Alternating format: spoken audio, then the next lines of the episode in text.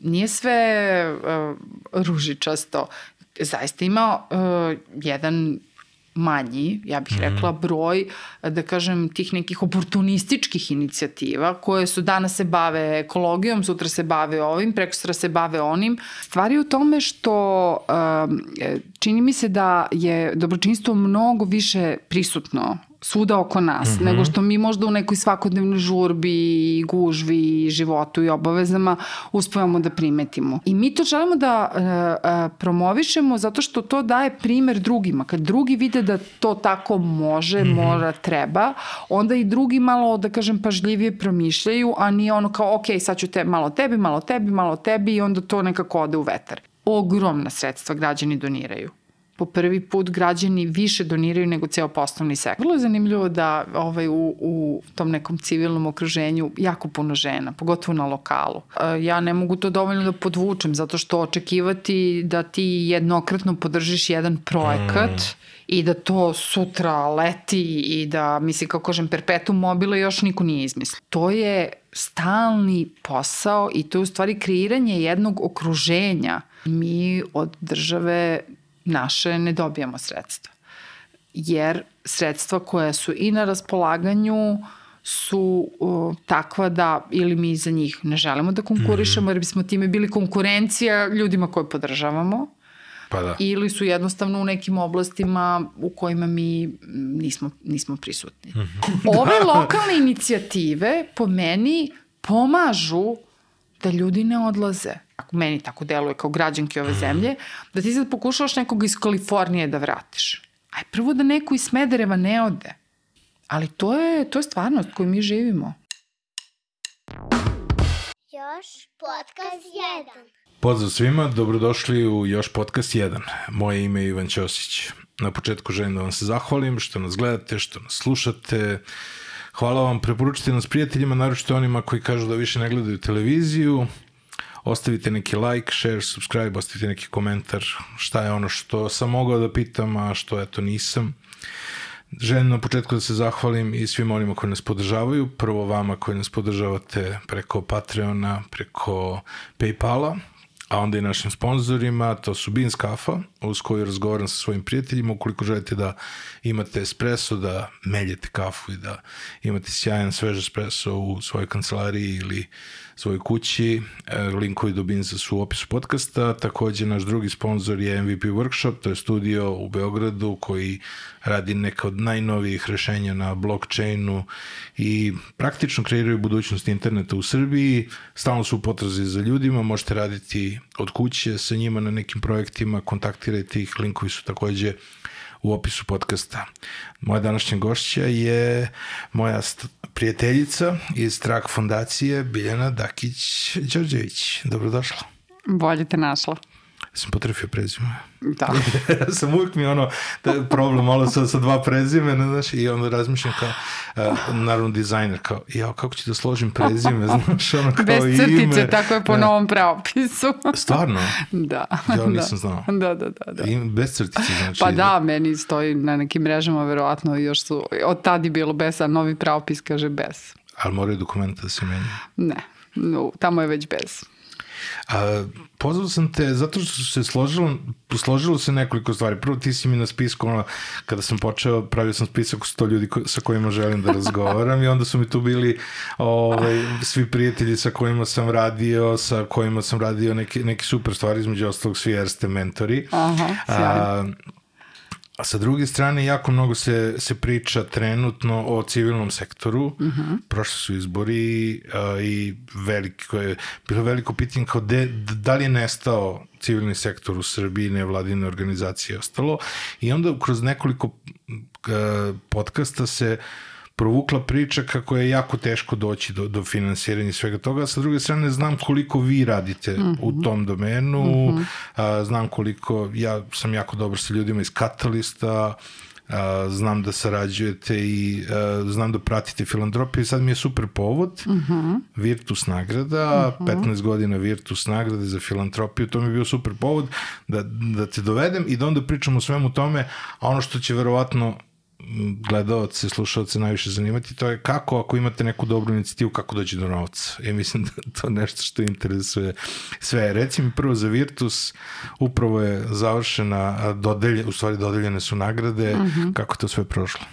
A, prošlo je odlično. Hvala ti još jednom na pozivu. A, nama je zaista divan povod da svake godine možemo da a, najbolje a, i najistaknutije filantrope u prethodnoj godini a, nagradimo i u stvari odamo im a, priznanje i ukažemo zahvalnost za sve što su uradili.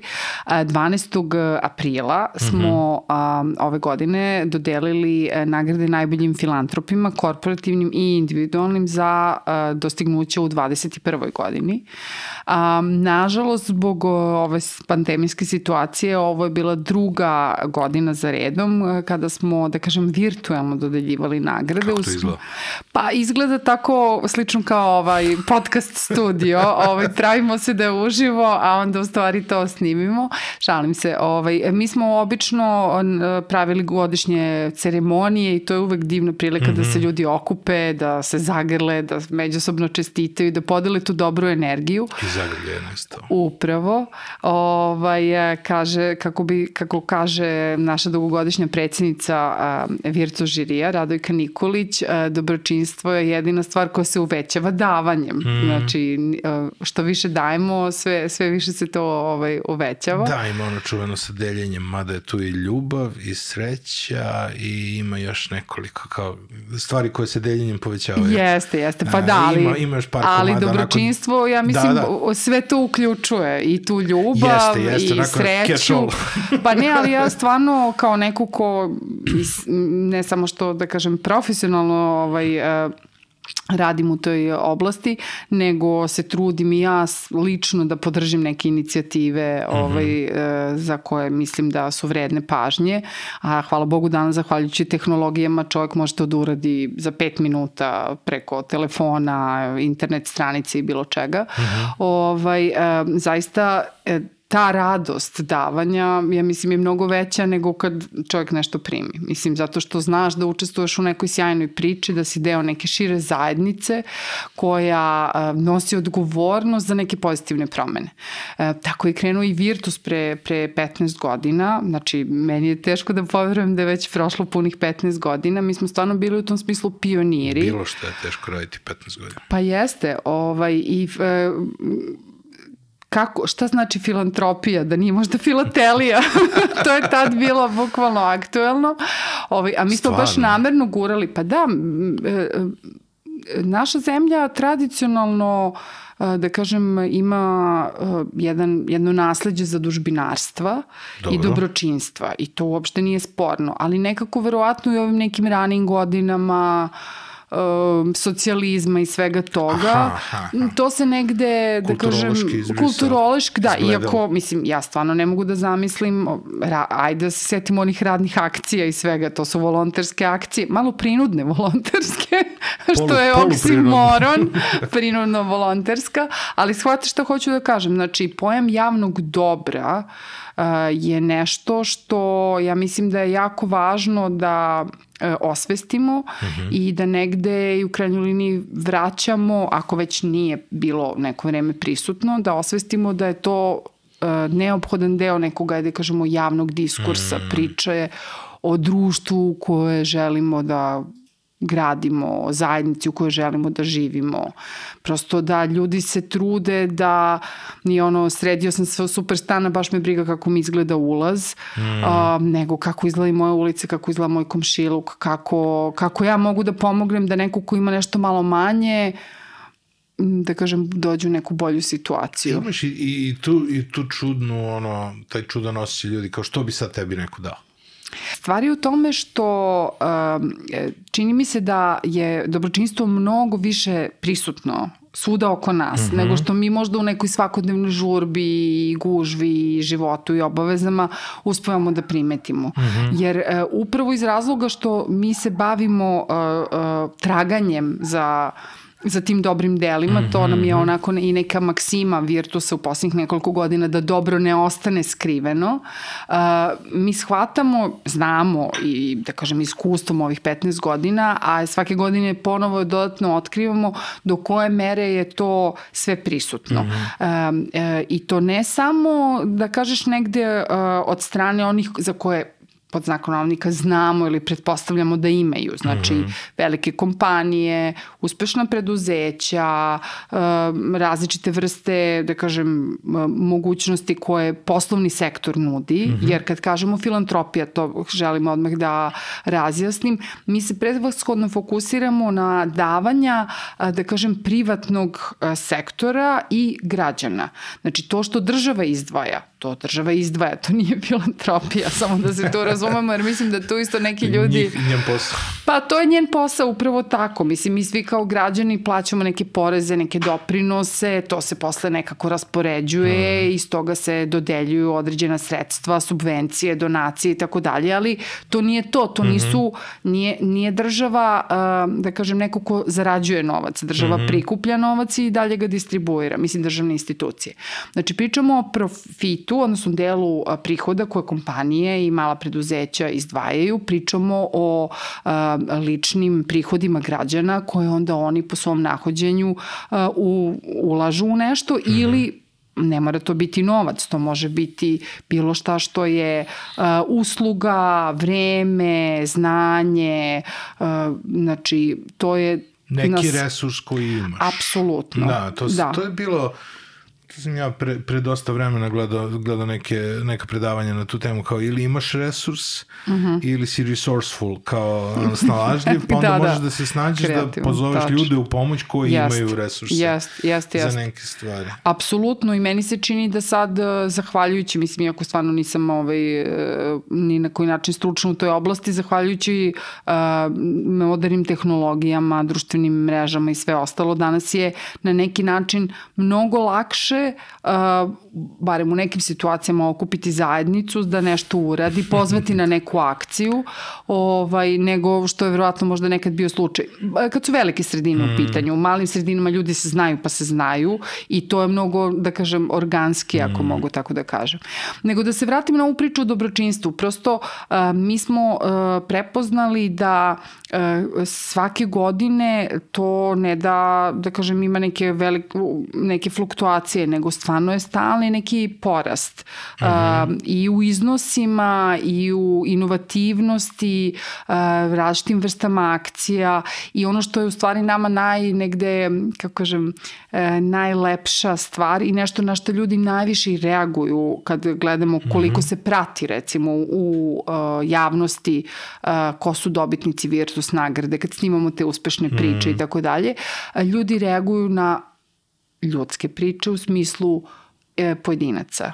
A, šta jedan pojedinac koji možda ima neka sredstva, a možda i nema, nego kuva za siromašne, pomaže deci bez roditeljskog staranja tako što volontira, nosi odeću, prikuplja. Mislim, na najrazličitije moguće načine se ljudi angažuju. Pravi nameštaj drveta. Pravi nameštaj. Mislim, zaista na, na najdivnije načine ljudi na to stvarno divno reaguju i onda smo mi u stvari i transformisali nagradu u Virtus mm -hmm. kao nešto što je počelo još 2007. kao nagrada za uh, uh, doprinos kompanija, malih srednjih preduzeća, pre nekoliko godina smo u stvari uveli te individualne nagrade. Mm -hmm. I one su zaista prepoznate kao neki, da kažem, ono, višnja na, na, na torti ili trešnja, ne znam već šta se stavlja, ko šta voli slano ili kiselo, slatko ili kiselo. Um, ali um, dodatno smo recimo od ove godine uveli i kao jednu od zvaničnih kategorija, malo smo promenili kategorije, um, nagradu za mladog filantropa. Mm -hmm. To je u prethodnim godinama bila specijalna kategorija, ali smo shvatili da iz godine u godinu primamo sve više i sve zanimljivije prijave i to smo uveli sad kao stalnu kategoriju, jer na taj način zaista želimo da odamo priznanje svim tim mladim ljudima koji bi, kako možda neko zamišlja, mogli da vise po kafićima, da se fokusiraju samo na neki svoj privatni život i tako dalje. Znači, ljudi brda pomeraju, zaista. I na neki način koji je možda ad hoc, mm -hmm. kao što recimo uh, za prethodnu godinu imali smo, ovaj, dok je još bila specijalna mm -hmm. nagrada, uh, ovaj, čuveni tandem Selma i Nerma iz Novog uh, pazara, mm -hmm. koje su devojke prikupile, ja mislim, preko 40.000 evra u ono vreme pandemije, mm -hmm. znači za podršku najsiromašnijima, wow. pomagale su samohrane majke i tako dalje. Mislim,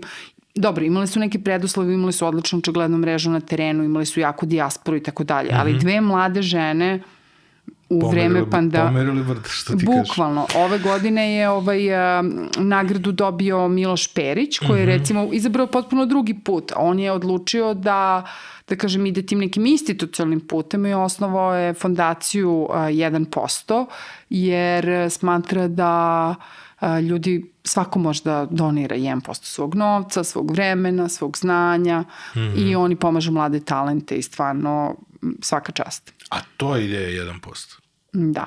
1%, po, 1% u... Uh, Interesuje me da li je i za 1% najboljih ono, naučnika i ostalo... E, vidiš, to je odlično pitanje. To, ali, bi, to bi vredilo pitati i Miloša. Hoću, da, hoću, ostaćeš mi kontakt. Hoću, hoću, pa, da, da. Ovaj, pa ću ga pozvati. Šta je meni, šta je meni recimo interesantno? Da sam ja recimo kroz Virtus uh -huh čuo da je nagradu ove godine dobila jedna vršačka mala firma koja je ono, fast food za koju ja nisam čuo. Tako da vaš slogan da dobro ne ostane nepoznato, da bude vidljivo, se stvarno ostvario.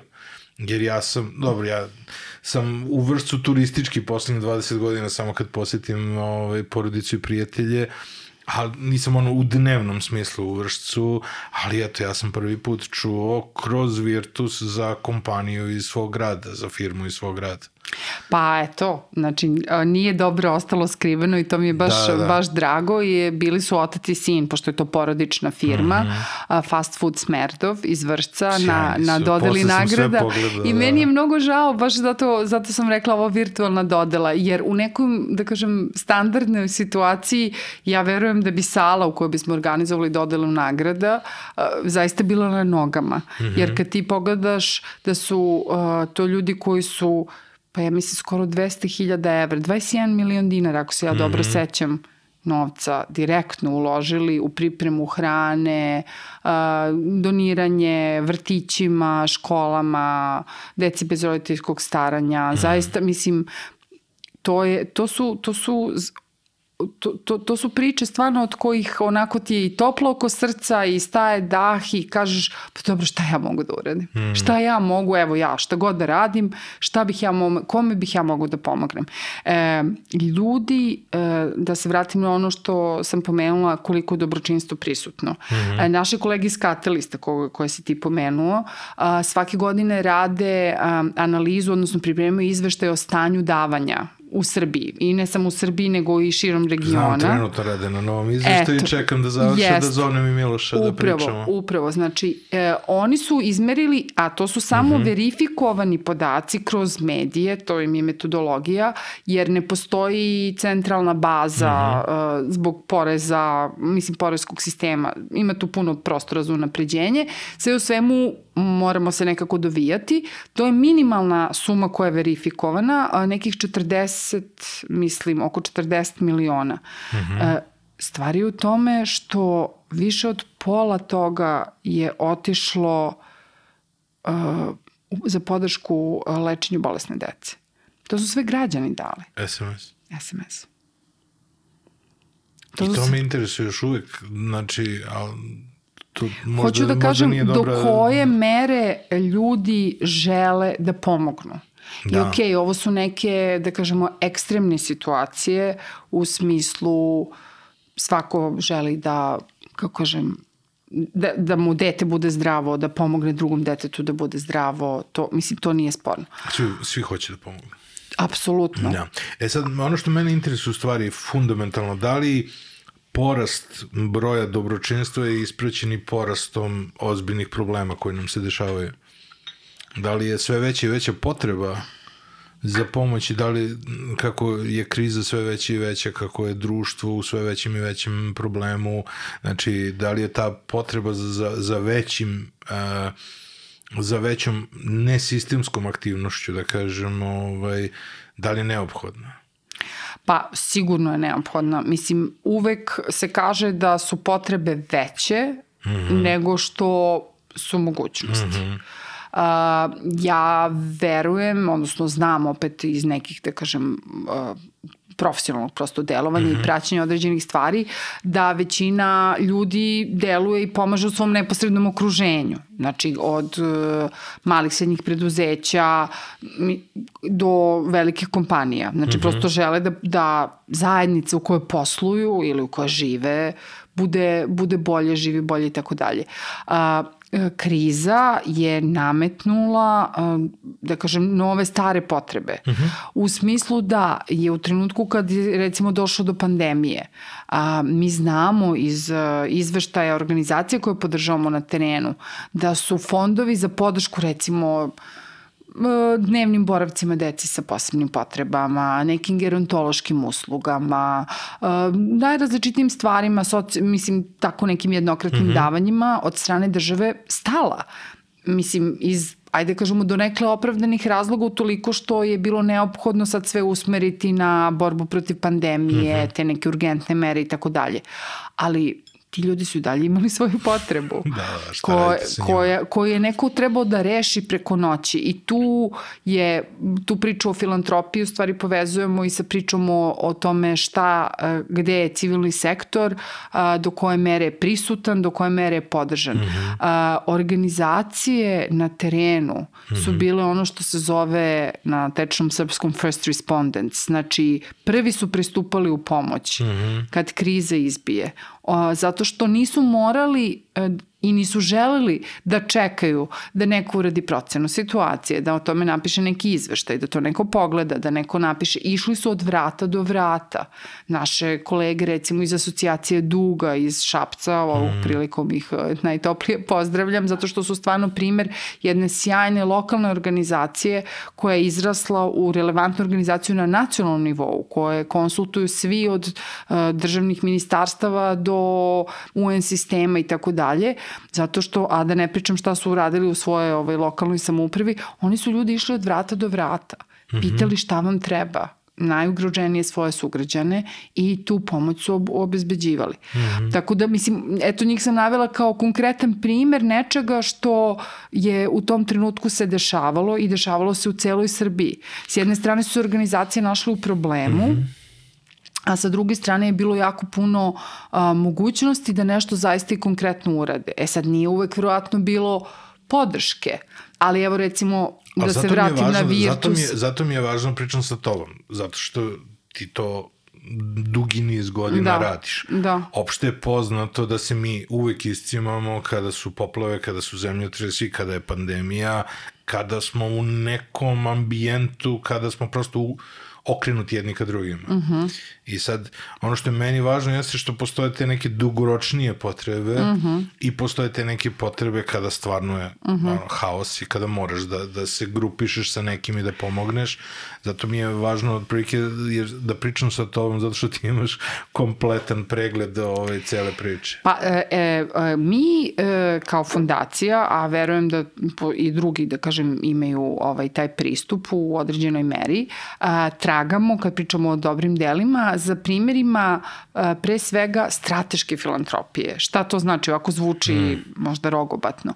E, ljudi, odnosno, ajde da kažemo kompanije Dobre. koje kod nas dobijaju nagradu, a Virtus je zaista uspeo da i izgradi i zadrži i reputaciju i poželjnost, što mm -hmm. bi mhm. se reklo, ovaj, a, je uvek prepoznaje, ne gleda samo uh, iznos recimo nek, određenog davanja mm -hmm. ili ne znam, neku sad specifičnu ciljnu grupu, nego do koje mere je taj pristup bio strateški, uh, do koje mere on odražava jednu promišljenost koja stoji za tog procesa. Mm -hmm. E sad, jasno je da velike kompanije uh, imaju resurse i re, resourceful su mm -hmm. da to što imaju usmere na strateški način A, I mi to želimo da a, a, promovišemo zato što to daje primer drugima. Kad drugi vide da to tako može, mm -hmm. mora, treba, onda i drugi malo, da kažem, pažljivije promišljaju, a nije ono kao, ok, sad ću te, malo tebi, malo tebi, malo tebi i onda to nekako ode u vetar.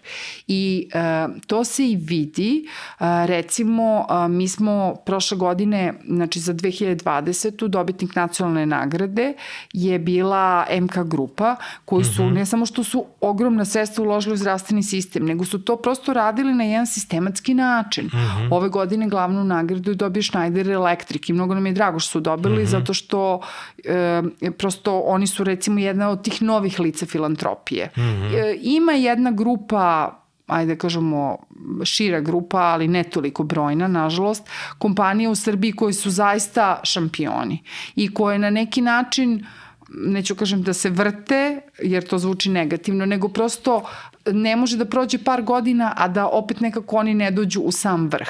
Da, da, da. Neke su multinacionalke, ali neke su domaće kompanije kao što recimo MK ili mm. Delta tako da ja se nam da je okej okay da pominjem njihova imena Ma, ovde iz prostog razloga što vrlo često i to je isto jedan od, od ja problema. Ja bih volao da se priča mnogo više o društvenoj odgovornosti, čak sam jedno vreme i gurao i onaj sajt koji se time bavio Ove, ono što je baš upravo, imam utisak da upravo to da dobro bude vidljivo, uh mhm. -huh. neophodna vidljivo svih tih stvari. To je sa jedne strane. Sa druge strane, ono što mene interesuje jeste i, i regulativa, da li uopšte da li te kompanije imaju neki finansijski benefit? Ja znam da, da u inostranstvu često postoje razni sistemi poreskih olakšica za ljude koji pomažu, ja mislim da kod to kod nas ne postoji uopšte.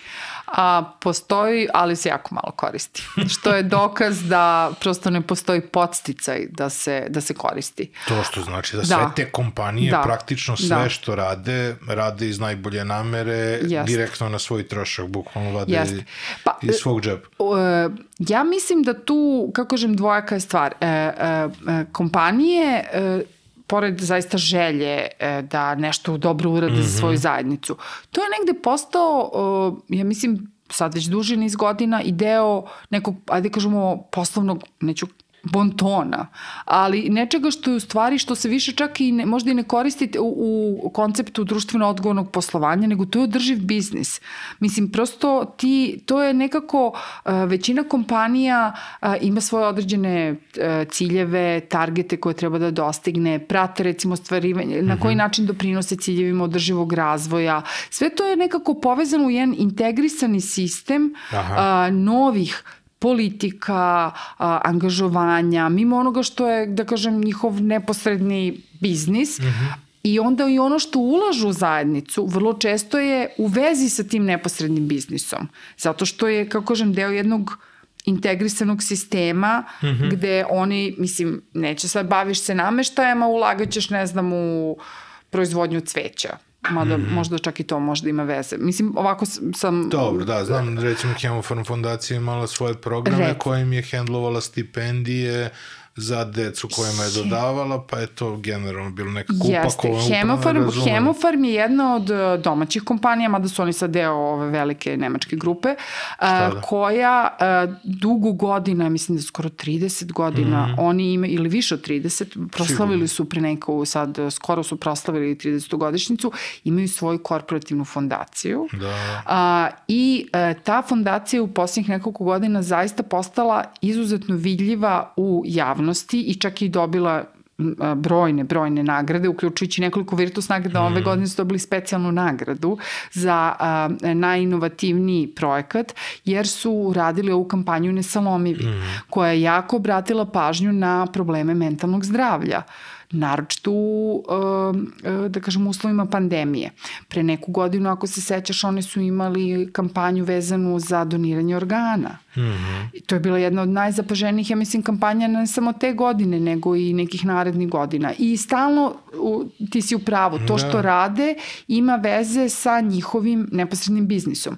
Delta e, je sad već nekoliko godina ima jako dobar projekat koji se zove a, a, Naše selo mm -hmm. i oni bukvalno dižu ta sela na noge jer e, obezbeđuju ne samo novčana sredstva, uh -huh. nego zaista imaju jedan strateški promišljen pristup i mogućnost finansiranja i edukacije ljudi na selu kako da u stvari unaprede svoj život. To je interesantno. I, a to da vezuju za deltu, ali čovječ. to vezuju za recimo, sigurno sam to vezuju na primjer za deltu agrar, mislim mm -hmm. koja je vrlo, zato što je njima stalo da, kako kažem, prosto to svoje znanje podeli i tako dalje. Mi smo imali priliku s njima pre nekoliko godina da, da sarađujemo kroz program koji se zvao Zasad za budućnost mm -hmm. i ti prosto vidiš koliko je taj pristup zaista, zaista promišljen i, i, i strateški. E sad, mala i srednja preduzeća možda malo manje imaju tu priliku da, e, da kažem, imaju te dugoročne planove i ne znam nija šta, mm -hmm. ali opet evo, Fast Food Smerdov, oni su donirali hranu. Da, da. Prošle godine CCS Solutions, mislim se zove kompanija, oni su 11% svog ukupnog prihoda donirali. Čoveče ljudi prave maske, medicinska pomagala, to je baš bilo aktuelno u vreme pandemije, 11%. Mm. To je stvarno za orden, ne samo za Virtus da, nagradu. Da, da, da. A čekaj, reci mi, uh, video sam tamo da Smerdov je distribuirao i neku, uh, neke stvari koje, kada kažem stvari, mislim na hranu, Jest. ovaj, koju je tipa, uh, to, je, to je isto saradnja. Sad, uh, plašim se da, da, ovaj, da ne kažem pogrešno sa kojom kompanijom su direktno sarađivali, ali recimo, imam utisak da mali i srednje preduzeća mali i srednje firme mogu da sarađuju sa velikim sistemima, Naravno. nekad da budu praktično ispostava na terenu. Pa svakako, mislim, ja sad ne mogu da, da tvrdim, ali uh, puno malih srednjih preduzeća su uključeni u lance dobavljača velike kompanije. Da, da, da. I uh, vrlo često, uh, u stvari, uh, ti lanci dobavljača su, kako kažem, mnogo je važno i velikim kompanijama da pokažu da mm -hmm. njihovi lanci dobavljača ispunjavaju određene uslove, da su angažovani u zajednici. Sve je to deo te, te priče o održivom mm -hmm. biznisu. Prosto kao u školi, mislim, neko te, evo ja iz neprofitnog sektora komentarišem poslovni sektor, ali hoću kažem, neko te procenjuje, oni se međusobno, znaš, kad si u određenom uh, ajde da kažemo, branši, onda se porediš sa drugima. Aha, šta je mhm. druga kompanija uradila? Recimo e, banke međusobno, kako ja mogu da budem da. bolji, da. kako ovako. Mislim, jedni od drugih uče, uh mhm. -huh. imaju obaveze izveštavanja, to su sad obaveze. E, pre, naša država je prihvatila, a to je bila i evropska direktiva od pre nekoliko godina, a sad je uvedena obaveza nefinansijskog izveštavanja. Znači, e, velike kompanije mm -hmm. moraju da E, radevi nefinansijsko izveštavanje. Znači, mimo onoga što predaju završene račune i sve ostalo, šta su sve tu uradili? I to je sad, kako kažem, svima je stalo da, da taj izveštaj e, bude sadržajan i da se pokaže ko, do koje mere su, su angažovani u zajednici. Jer je to deo neke mm -hmm. ukupne procene, ajde kažemo, boniteta kompanije. Mislim, to malo razbija onu priču o surovom biznisu, da, pa naš, sigurno. take the money and run i tako dalje, mislim. Da, to je evidentno, kogod da. bilo, bilo gde zagrebe, znači jest, to se vidi. Jest. Ono što, što, što je meni interesantno, što ne postoji trenutno, bar ne u nekom, nekom većem obimu, to je udruživanje međusobno kompanija kao da svaka kompanija nekako za sebe želi da, da drži. Možda se nekad desi da dve kompanije iz različitih kategorija se povežu međusobno oko nekog projekta, ali uglavnom e, što se tiče te neke filantropije i ovaj i svojih nekih programa društvene odgovornosti, teško da vidiš da, da, da više od uh, nekoliko kompanija kažu, e sad je ovo super važno za ovu godinu, ajde da svi zagrunemo u istu priču. Pa i da i ne, ne bih se baš u potpunosti složila. Uh, uh, naravno, svaka kompanija ima svoj, svoj plan, svoju strategiju, mm -hmm. svoje ljude koji rade, svoje prioritete, svoj, da kažem, branšu u kojoj, koje deluje. Uh, jedni od drugih uče, gledaju, porede se i tako dalje. Ovaj, I u tom smislu to jeste pristup, znači, svako za sebe. Međutim, uh, već uh, značajan broj godina kompanije su i tekako aktivne kroz rašte privredne komore, udruženja, naše kolege Smart kolektiva koje već, ja mislim, 15 godina vode mhm. forum za odgovorno poslovanje. E, Trak fondacija je bila jedna od 13, ja mislim, bilo 14 osnivača ponovnog, da kažem, o, osnivanja Srpskog filantropskog foruma. Mm -hmm. Znači, mi smo prva, Srbija je prva zemlja u regionu osim Bugarske, koju ajde ne računamo u Zapadni Balkan, znači od Slovenije do Grčke koja ima filant, uspostavljen filantropski forum kao mhm. formalnu, uh, formalno udruženje u kome su kompanije, fondacije, udruženja, mislim čak smo otvorili mogućnosti za ulazak nekih, da kažem, istaknutih pojedinaca, mm -hmm. jer se i broj e, takozvanih velikih donatora pojedinaca uvećava, samo još uvek, da kažem, nije to ni toliko mm -hmm. vidljivo u javnosti, malo ljudi zaziru od pojavljivanja u javnosti. E, e, I tu se preduzima i mi smo uspostavili nacionalni dan davanja mm -hmm. e, pre nekoliko godina. 9. oktobar uh, rođendan Mihajla Pupina, našeg isteknutog naučnika i filantropa, uh, je uspostavljen kao nacionalni dan davanja i svake godine kompanije zajednički organizuju akcije. Uh, Savet za društveno odgovorno poslovanje Privredne komore Srbije takođe uh mhm. -huh. se dosta aktivira u posljednje vreme. E, hoću da kažem, možda nije, možda je nedovoljno promovisano, Ili ali, ti slogan Virtus. a da, ali saradnja i tekako postoji e, i formalna, recimo mi kao fondacija e, se podržavamo kao sekretarijat mm -hmm. neformalnu mrežu globalnog dogovora Ujednjih nacija. To je najveća svetska platforma za održivi biznis. Mm -hmm. Znači preko, ja mislim, preko 15.000 kompanija širom sveta su mm -hmm. članice, 60 i nešto uh, lokalnih nacionalnih mreža širom mm -hmm. sveta. Uh, u, kod nas u regionu postoje u Srbiji, u Hrvatskoj i u Grčkoj i u Bugarskoj. Mm -hmm. uh, evo imali smo pre neki dan sastanak, pričali smo upravo o tom, o nefin, da kažem izazovima i prednostima nefinanskog poslovanja mm -hmm. i tako mhm. dalje, pošto je to sad aktuelna tema.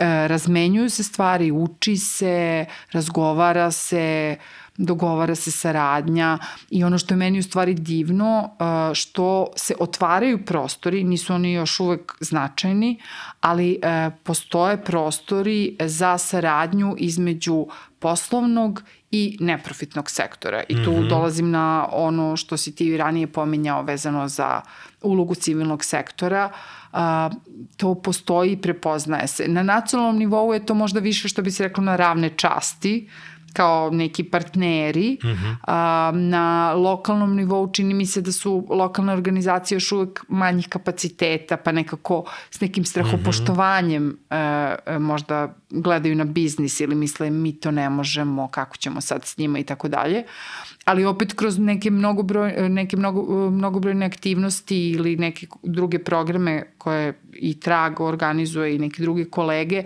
mi vidimo kako se i tu dinamika menja i koliko lokalne organizacije se obraćaju malim, malim biznisima, štamparijama, kopirnicama, pekarama, računovodstvenim mhm. agencijama mm -hmm. I predstavljaju im ono što rade i dobiju od njih ili novčana sredstva ili podršku za neke svoje akcije, toga ima mm -hmm. sve više i više. Nevidljiva filantropija, sitna.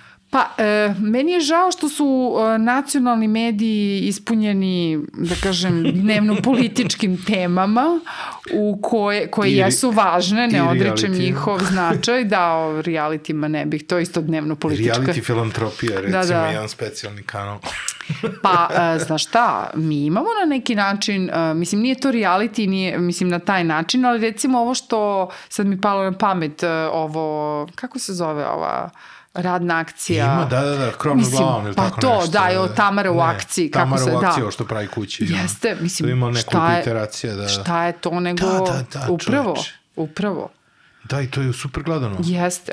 Da. da, da. Mi smo sa jednom kompanijom ovaj, napravili dogovor, nije baš da smo radili ripov, ali smo napravili dogovor da na neki sličan mhm. -huh. model, kao što recimo Tamara i njen tim grade kuće uh, pojedincima koji su zaista izuzetno siromašni mm -hmm. i treba im podrška, da uh, pomognemo, tako isto kroz građevinske radove, mm -hmm. da pomognemo uh, uh, uh, pružocima socijalnih usluga na terenu. Znaš, da im recimo ako neko ima gerontološki neki e, centar ili dnevni boravak za decu ili bilo šta što je, što je da kažem, neka lokalna mm -hmm. usluga, ovaj, da, im, ono, da im se opremi prostor i to. I onda nas je presekla pandemija, Da, tu su sad... se malo budžeti ovaj, sasekli, ali mislim ja sam ubeđena da to i tekako ima smisla i da ćemo to prvom sledećem prilikom. Kuvanje je jako ovaj... interesantno kao reality program i kombinacija pa, znaš nekih da javnih... Kuvali. Znam da jeste, e. ali kombinacija nečega ono kao Lepi Brka i ostalo, znači pa, tako neki fazon. Eto, pa bio nam i Brka neki, u neki kompaniji. reality jeste. i ovaj, neka kombinacija sa, sa kuvanjem za, za velike ovaj, za velike grupe. To, to me super. vodi, pa ne, ali to je baš, uh, bila je, i to ja mislim ne jedna akcija, to me vodi uh, na ovu temu uh, koju si pomenuo, a tiče se podsticaja. Mhm. Mm -hmm.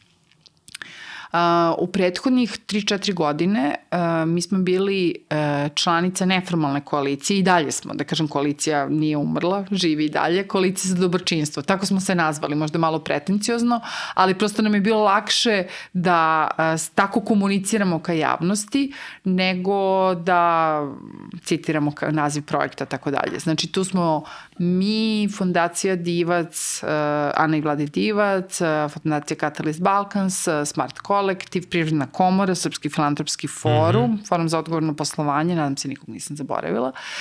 I, ok, imali smo donatorsku podršku, hvala, sve super, ali smo zaista e, pokušali neke stvari da onako dignemo mm -hmm. u oblasti filantropije, znači od toga da smo zavrtili ponovo Srpski filantropski forum, koji je na najrazličitije moguće načine pomagao od podrške, recimo, petnici, e, opremanja e, osnovnih škola, do kupovanja onih malih robotića, mislim, za, mm -hmm. za škole, do E, šta je bila, ja sad sam zaboravila jednu akciju prethodne godine, ali posljednja godina je bila usmerena na donacije hrane. Zašto uh mhm. -huh. to govorim? E, zato što smo udarili u zid. Zašto to govorim? E, 2018. Uh, uspeli smo da ubedimo premijerku da uh, osnoje da kažem pod svojim nekim pokroviteljstvom, uh, Vladin savet za filantropiju. Mm -hmm. To je e, jako važno, možda ovako zvuči suvoparno, ali mnogo je važno kad ti možeš da sediš za istim stolom sa donosiocima odluka u širokoj lepezi, od ministarstva financija preko ministarstva prosvete do socijala i mhm. tako dalje i da razgovaraš o ključnim stvarima koje su važne da e, ljudi u Srbiji, što pojedinci, što poslovni mm -hmm. entiteti, dobiju te vrstu podsticaja. Jer činim nešto dobro za svoju zajednicu? Jel dajem neki novac? Jel volontiram? Jel delim svoje znanje? Mm -hmm. Hajde da se to prepozna. Hajde da mi se umanji porez. Hajde da dobijem neku drugu vrstu povlastice kao što svuda u, da kažem, razvijenim... Ma i to sa hranom, ima... to je glavni problem bio da se to PDV. računa kao otpis, da ne mora da plaća upravo, PDV na, upravo. na to što je poklonio. Jeste, jeste, jeste, jeste. Upravo to. stvar. Jeste. Jedna od četiri, da kažem, kažem, a, ključne stvari kojima smo se kroz Savet za mhm. filantropiju, mm -hmm. mnogo mi je baš važno da, da istaknem da je e, e, moguće uspostaviti... Evo, jeste, jeste. Aha. Mi smo krenuli 2018. i on je funkcionisao. On nikad nije, da kažem, e, raspušten. Aha, on i dalje aha. postoji, ali trenutno nije aktivan. Mm -hmm. e, prestala je aktivnost praktično sa dolaskom pandemije, jer e, vladine institucije prosto su se fokusirale na to i negde im je ovo, da kažem, bilo ovaj, ne prioritet, iako, iako, ja mislim da je to prioritet svih prioriteta, jer malo pre si rekao, je li došla poplava, svi pomažu, je li došla pandemija, svi pomažu. E, za vreme pandemije, na, na početku pandemije, a, a, Ministarstvo financija, odnosno Vlada Republike Srbije, je po prvi put rekla Ko donira zdravstvenom sistemu, mm -hmm. znači kupuje opremu, daješ sve što treba, ima pravo PDV da se ukine na tu povlasticu, Stvarno? na tu donaciju. Da, oh, lepo. naravno. Međutim, to se odnosilo samo na donacije državnom zdravstvenom sistemu. Na naše predloge da se mm -hmm. u mhm. takvu vrstu povlastica uvrste i Crveni krst, i banke hrane i razni drugi nedržavni entiteti koji te kako pomažu u uslovima pandemije, mm -hmm. ljudima koji su najugroženiji, nismo naišli na, na dobar, na dobar ovaj odjek. Razumem da je komplikovano, razumem Daju ti da je prsti, to... hoćeš ako. Pa da, ali... A em, dobro, ali ja razumem, a, ovaj, igrom slučaja razumem, u tom domenu državu njima to najlakše u smislu ono, Ja, jedna oni to kontrolišu, sistemu, naravno, to ide kroz sistemu, trezor, da, sve meni jasno, ali, Ovaj, kako kažem, uh, Smisao nije dugoročna, ono, nije, nije je dovoljno naći, široka, da. uh, uh, zloupotrebe su uvek moguće, znači od Da. toga da se ljudi švercuju svaki dan u autobusu i da im se može, ovaj, ali to nije poenta, ne možemo se stalno izgovarati na zloupotrebe. Znači, nego treba nekako, ja mislim da gradimo neki sistem koji je funkcionalan i gde određena rešenja mogu Pa da to- se primene. To ima, ima gomila stvari koje se u Srbiji ne, ne realizuje zato što može da bude zloupotrebe, znaš. Pa jeste. A onda Doomsday kao- scenario. Pa da, da, da. Pa jeste. Bre, napravi onda kazne ogromne za zloupotrebe. E, za PDV za hranu, evo konkretno za PDV za hranu, znači mi smo uh, uh, dali celu argumentaciju, radili smo cost-benefit analizu, pokazali smo do koje mere bi se povećalo uh, doniranje hrane, a veliki sistemi već onoliko doniraju hranu. Pa da. Od, ne znam, Deleza pa nadalje. Uh, e, prosto svi bi, svi bi bili na dobitku. Jer Kapiram. gde ide ta hrana? Ide, uh, uh, ide, mislim, ide između ostalog i državnim institucijama. Mm. Mislim, odnosno, ne državnim institucijama, izvinjavam se, nego uh, od javnih kuhinja, od uh, nekih, da kažem, uh, institucija socijalne zaštite koje država finansira. Znači, ok, možda taj PDV ne bi ušao u prihod, Da. ali bi imao manji rashod. Mislim, treba stvari gledati integrativno. A, u Francuskoj, na primer, ne može kompanija da baci hranu. To je kažnjivo na Mhm. temu kazni. Znači, mora da donira. A ona I kad, mora da donira. Mora da donira. I kad, kažemo, kad pričamo o donacijama hrane, pričamo o doniranju hrane pred istekom roka. E, što je ima još dodatni tu sad kod nas zakonodavno e, upotrebiti do, najbolje upotrebiti do i tako dalje, jer ti imaš veliki, da kažem, velike kategorije hrane, testenine, pirinač, e, br- svašta nešto što i nekoliko meseci nakon zvaničnog najbolje upotrebiti do, apsolutno ne gube svoje nutritivne vrednosti. Tako da nije Ma ona da, ali varijanta, fora, evo sad ali mi... fora u, ovom, u ovoj zloupotrebi, što ću ja da, a, znači oni svi razmišljaju o zloupotrebi da ću ja tebi nešto da prodam, a da onda kažem da sam to donirao i da u stvari ovaj, da u stvari zavrnem sistem. I svi su u tom fazonu kao, eto, to je sad sve zbog zloupotreba i Mi- zbog zloupotreba se to... Razumem. Ovaj, jako je veliki problem što u većini donošenja naših zakona nijedan, nijedan, nijedan zakon se ne donosi sa najboljim namerama, nego se donosi sa, sa najgorim, sa sprečavanjem nekih ono, pravila i logika, to taj da je malo problematičan. Pa, znaš kako, uh, uh, razumem, uh, jako je važno, uh, mi smo još ne, pre nekoliko godina ovaj, kroz uh, uh, Savet za društveno odgovorno poslovanje Privredne mm -hmm. komore uh, radili analizu recimo šta se desilo u Hrvatskoj kad je tako nešto uvedeno. Mm -hmm. I videlo se da nije to baš išlo tako super jednostavno. Kompanije uopšte nisu, da kažem, uh, troškovi koje su oni imali uh, u smislu administrativnog praćenja, popisivanja, Dobro. otpisivanja i svega oslog vezano za donacije hrane nisu bili mnogo manji od tog PDV-a koje su platili razumeš, Aha, na, aha. na, na tu doniranu hranu. Ali su morali da nađu način da, kako kažem, to nađe neki svoj put. Ja mislim da je strašno da u zemlji u kojoj procenjeno, ne znam, skoro pola miliona ljudi živi na ivici siromaštva mm. ili ispod ivice siromaštva, gde imaš tolike korisnike uh, javnih kuhinja, ti spaljuješ, bacaš hranu. Mislim, to je ne samo uh, društveni, mm -hmm. ekonomski problem ili pitanje. Nego To je ekološki problem. A da. Znači, e, uništavanje hrane je jedan od značajnih, e, da kažem, e, opasnosti za zaštitu životne sredine.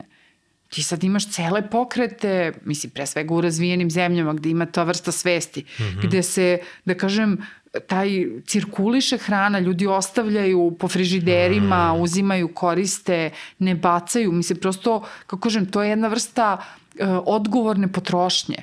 Ne kupujem više nego što mi treba, ne bacam hranu. Mm -hmm. I trudim se da nekako zatvorim taj sistem.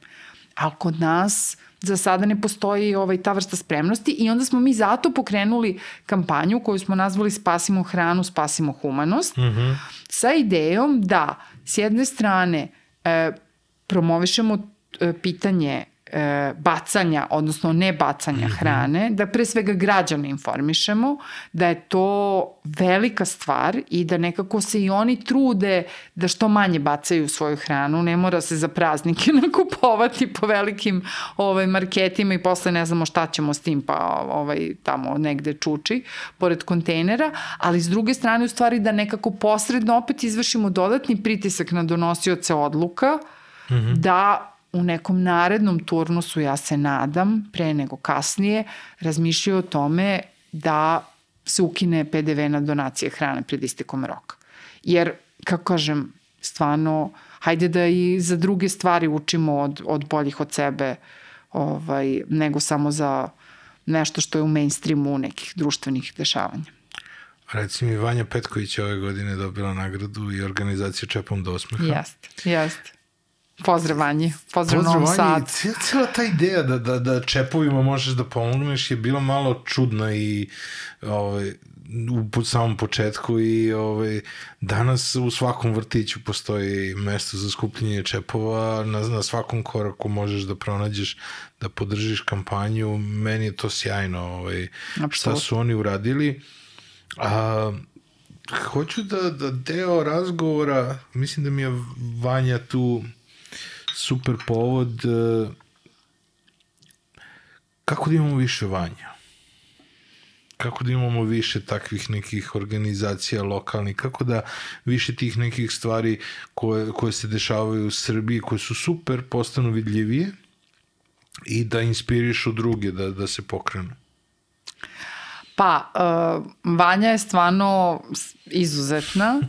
O, ne znam koliko još vanja možemo da imamo, ali ih imamo i tekako. Uh, hoću da kažem da uh, lokalni aktivizam je mnogo prisutniji nego što deluje možda mm -hmm ovako kad imaš perspektivu iz nekog velikog grada, bio on mm -hmm. Beograd ili Novi Sad i tako dalje.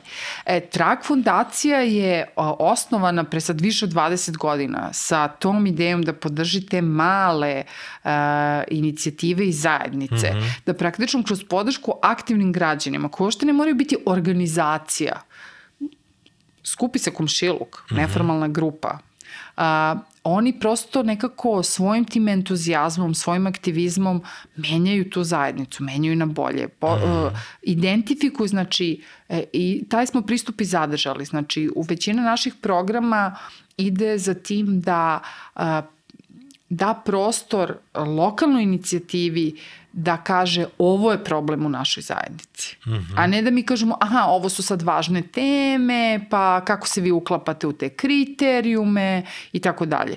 Trudimo se da što šire nekako ostavimo um, kriterijume mm -hmm. za prijavljivanje, za projekte, uh, da onda uh, ljudi sa lokala kažu aha, čekaj, ovo naš problem se možda se uklopi ili ne mora uopšte se uklapa jer nema da kažem, te tematske neke mm -hmm. ograničenosti i to se u stvari pokazalo kao, kao odličan pristup. Zato što u nekom selu problem će biti nedostatak zajedničkog igrališta ili nekog malog doma kulture.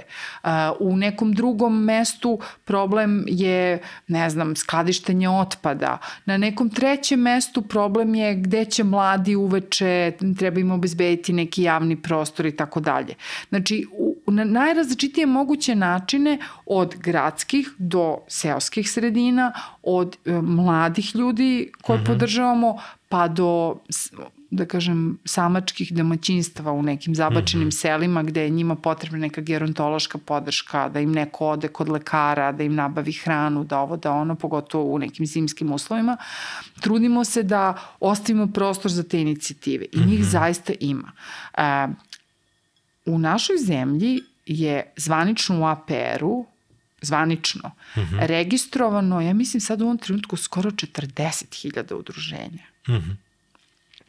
Ok, uh, tu su i neke razna sportska udruženja i tako dalje i tako dalje, lovački savezi, ali kad to sve odbaciš, mm -hmm. opet je taj broj uh, jako veliki u odnosu na to koliko zaista udruženje je aktivno na terenu, ali pokazuje da uh, ljudi prepoznaju da to vrsta, ta vrsta udruživanja uh, nešto znači, da kroz Mhm. to, to udruživanje nešto mo, može da se postigne, da neki cilj da se ostvari, da nešto uradiš, da kažem, mimo nekog ono, posao škola, uh, država. Uh, I uh, iako je ovaj prethodni period bio i period krize, iako se stalno organizacije na terenu suočavaju sa nedostatkom sredstava, uh -huh. uh, meni se čini da postoji sad već jedna ozbiljna generacija organizacija, ako tako mogu uh -huh. da nazovem, koje uh, duže od 20-30 godina funkcionišu u zajednici i pružaju određenu vrstu usluge, određenu vrstu podrške. Evo recimo organizacija iz Novog Sada takođe, pozdravi njima, Centar Srce, Da, da. Oni su, mi smo recimo njih podržali ove godine kroz jedan naš program, mm -hmm. a zanimljivo je da su oni uh, organizacija koju je trag, tadašnji Balkanski fond za lokalne inicijative, mm -hmm. tako smo se zna, zvali do 2013. godine. To je prva organizacija koju smo ikada podržali. Čoveč. Evo, za 20 i koliko, dve, tri godine se zatvorio mm -hmm. krug. Njih smo zvali na našu, proslavu naše 20-godišnjice krajem 19. I ovaj, zaista nam je nekako, oni, oni dalje... Oni su 90 i koliko se ja sećam kraje. 91. Da, da, da. Sećam Znači, se to, sećam se srca. Mi sad u, da kažem, svakodnevnom uh, uh, svakodnevnom javnom mm -hmm. prostoru prepoznajemo do koje mere rašim problem mentalnog zdravlja. Prepoznajemo probleme sa uh, suicidom. Mm -hmm prepoznajemo značaj prevencije. Mislim, mm -hmm. o tome se priča, čitaš članke, evo, Hemofarm je napravio sjajnu kampanju i tako dalje. I ozbiljan problem. Ozbiljan je problem. On, ima, ima ona, kako se zove, nije ni važno, postoji ta teorija da čak u javnosti ne treba puno pričati o primjerima suicida jer Jeste. onda poveća broj. Jeste. Znači, I onda još je, ono, bukvalno je minsko polje ja se... biti dovoljno oprezan i zato je takva organizacija kao srce koja okuplja baš ljude koji, ove, koji su stručni, fenomenalno. Ali je fenomenalno da ti imaš organizacije koje još iz, da kažem, kasnih 80-ih, mm -hmm. ranih 90-ih funkcio, funkcionišu u zajednici, a imaš sve više i nekih novih organizacija koje su, evo sad, 4-5 godina funkcionišu, koje su izrasle na nekom talasu, sad je recimo vrlo aktuelna pitanje zaštite životne sredine, odnosno mm -hmm. zagađenja da, da. kome, da kažem, živimo. Ono, zagađen nam je vazduh, mm -hmm. zagađena nam je voda, zagađena nam je zemlja i sve više, to je bio jedan talas prije jedno deseta godina i sad ponovo ovaj, sve više lokalnih organizacija koje, koje na, to, na to obraćaju pažnju. Ali, um, Kad ste pokrenuli ovaj ženski program?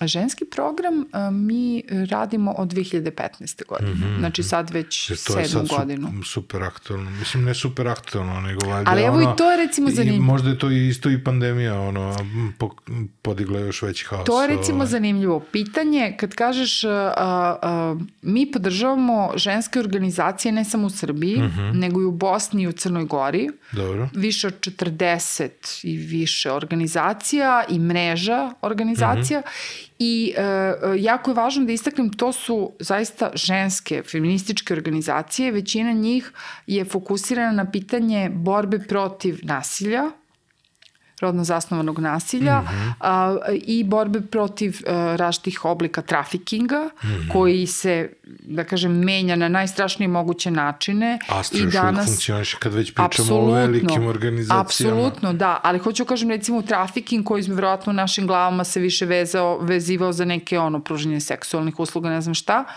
ti sad imaš radnu eksploataciju na najstrašnije moguće načine i to je trafiking. Mm, Mislim, pa da. svedoci smo šta, šta se, da kažem, po, u medijima objavljivalo u posljednje vreme, mm. čiji radnici, gde, kako i tako dalje. Mislim, radna prava, žene koje sede po 12 sati ne mogu da odu na pauzu, ne plaća se, mislim, da, ko kažem, da, da A da ne pričamo o ovim migracijama, ljudi koji odlaze odavde i seća, sećamo se onih primjera u Slovačkoj i ne znam nekim drugim zemljama, ja i ne uspevam to sve da, da ispratim. Da se vratim na priču o To je ženskom... interesantno, zato što sad tokom pandemije smo imali najveći povratak ljudi koji su živjeli u inostranstvu, Jeste. zato što tamo nisu imali nikakva zdravstvena Jeste, prava, pa niti jeste. ko zna šta su radili. Pa jest, pa jest.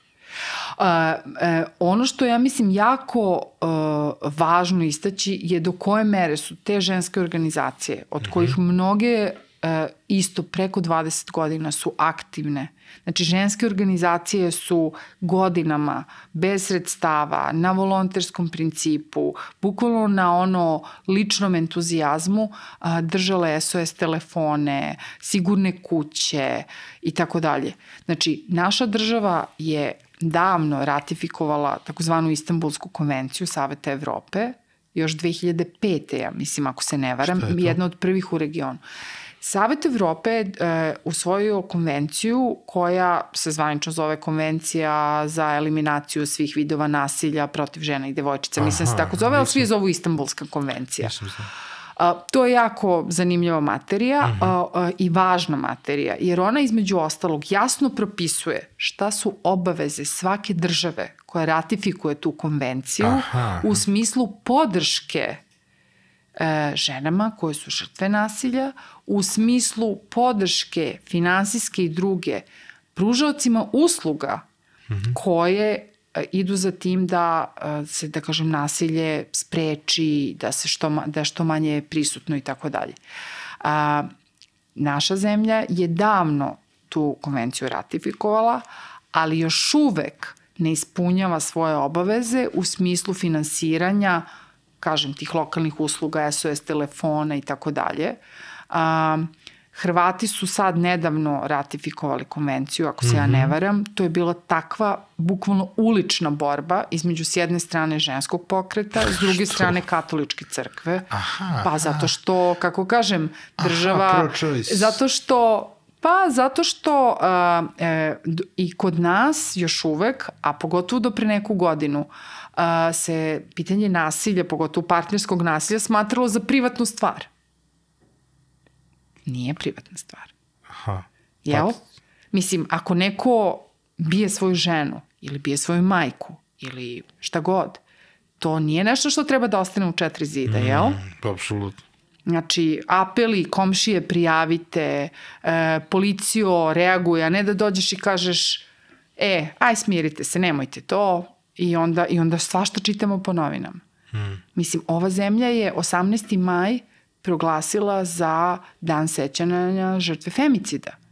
Znači, svake godine više od 30 žena umre u ovoj zemlji zato što ih je neko prebio ili ubio. 30 godišnje. Više od 30. Više od 30. Ali u proseku. Da.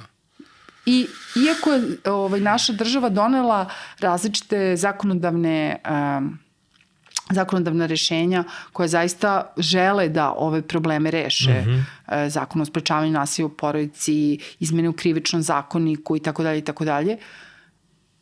E, Nasilje, kako kažem, se ne smanjuje značajno. Jer to je dugoročan proces gde moraju svi faktori da budu uvezani Naravno. svi faktori, svaki element priče od centra za socijalni rad, do tužilaštva, do policije, do mm -hmm. lokalnih organizacija, do mora da funkcioniše. Ka... I na sve to, izvini, tu, tu stajem, na sve to je mnogo važno da se nasilje ne promoviše kao poželjno po, ovaj, ponašanje, kao recimo u nekim realitima, jel? Znači, imamo nacionalne frekvencije prepune rodno zasnovanog mm -hmm. nasilja, a onda očekujemo da sutra neko ne ubije svoju bivšu partnerku jer ne može se pomeri sa tim da je ona rekla izlazim Da, iz da. ove A, kad sam pričao sa Slavicom Radovanović, ona je baš pričala da je i ogroman porast sada tokom, ovaj, e, tokom pandemije bio ovaj, unutar porodice gde, ovaj, gde de, deca nisu deca, to su već odrasle osobe koji dalje žive sa roditeljima, svoje stare roditelje maltretiraju Da, i pa sigurno. to je ovaj, isto veliki... Mislim, to je globalni problem, nismo Da, mi da. se izuzetak. No, znači, naravno, globalno je no. zabeležen o, značajan porast a, porodičnog Mhm. nasilja, ovaj, nasilja u porodici, zato što, mislim, prosto ljudi su, kako kažem, ono bili zaključani, prinuđeni da, mislim, sve najbolje, ja mislim svaka kriza donosi Da, da, najbolje i da, da. najgore u ljudima. Kako neko ko ima ideju sa željom da pomogne može da uđe u, u celu priču? Kako, odakle neko ko ima dobru volju može da krene, pojedinac, da okupi grupu oko sebe. Ajde da, da, da možemo to nekako iz prve ruke, otprilike, kako danas neko ko, ko vidi problem, znači, najjednostavniji način pridruži se već postojećoj nekoj organizaciji, verovatno, ali, a, ali eto, našao je, neko je našao neki problem koji ne postoji, ili je rešen u nekom drugom gradu, a nije rešen u njegovom, jer u njegovom mestu ne mora bude grad. Kako pojedinac da krene? Pa, e, e, sa puno uh, strpljenja, ja bih rekla, i entuzijazma. Se strpljenjem. zato što, ne, ali ovaj, e, št, e, mislim da je jako važno da se prepozna da e, ljudi to rade svaki dan. E, udružuju se mm -hmm. i e, pokreću različite inicijative i tragaju za podrškom, za, podrškom tim inicijativama. Mm -hmm. e, mi kao fondacija e, tradicionalno, što bi se reklo, podržavamo i registrovana udruženja mm -hmm. i neformalne grupe. Znači, ti i tvoja dva uh, prijatelja, poznanika, ljudi koji su se prepoznali da vam je stalo da rešite određeni problem, uh, uvijek možete da nam se obratite i da vidimo kako mi možemo da vam pomognemo da se taj problem Troje reši. Troje ljudi je minimum za APR. Pa ne tako? mora da bude. Troje ljudi, ja sam eto tako rekla, troje ljudi je minimum za registrovanje udruženja. Da, Da. Upravo se potpuno. Da. Ovaj, u tom smislu recimo naše zakonodavstvo baš, da kažem, opet zahvaljujući civilnom sektoru i zakon o udruženjima koji mm -hmm. imamo i koji je, ja mislim, 2010. 2011. donet i zakon o zadužbinama i fondacijama koji je malo iza toga isto mm -hmm. ovaj, usvojen. Oni su vrlo, da kažem, kvalitetni zakoni. Neke stvari nisu međusobno usaglašene, ali ta, to nešto što se prepoznaje kao univerzalna sloboda udruživanja, mm -hmm.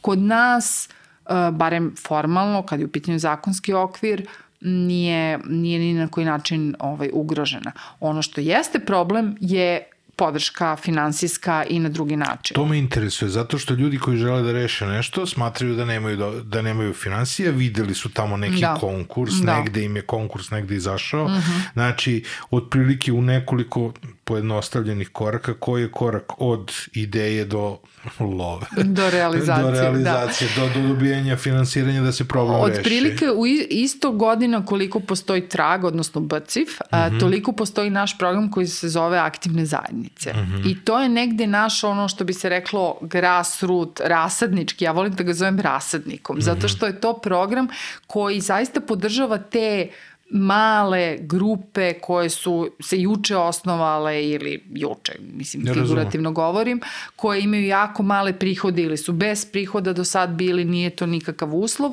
i uh, koje mogu biti neformalne i tako dalje i oni mogu i nije ni na koji način tematski ograničen.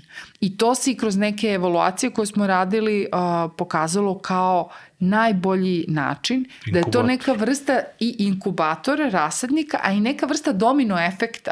Jer ljudi vide šta je neko drugi uradio, vide da je to moguće mm -hmm, i onda to pokreće neke druge, ono, by proxy, što bi se reklo, da, neke druge da. inicijative. Um, I zaista uh, ljudi su izuzetno inovativni, ljudi koji se prijavljuju su izuzetno inovativni, a mi smo se potrudili kao fondacija umeđu vremenu da im taj posao olakšamo, tako da Uh, mi kroz javne konkurse, svi naši konkursi su javni, znači mm -hmm. nije ono ti si sad došao pa mi kažeš imaš ideju, ja kažem jao baš si super, evo podrška.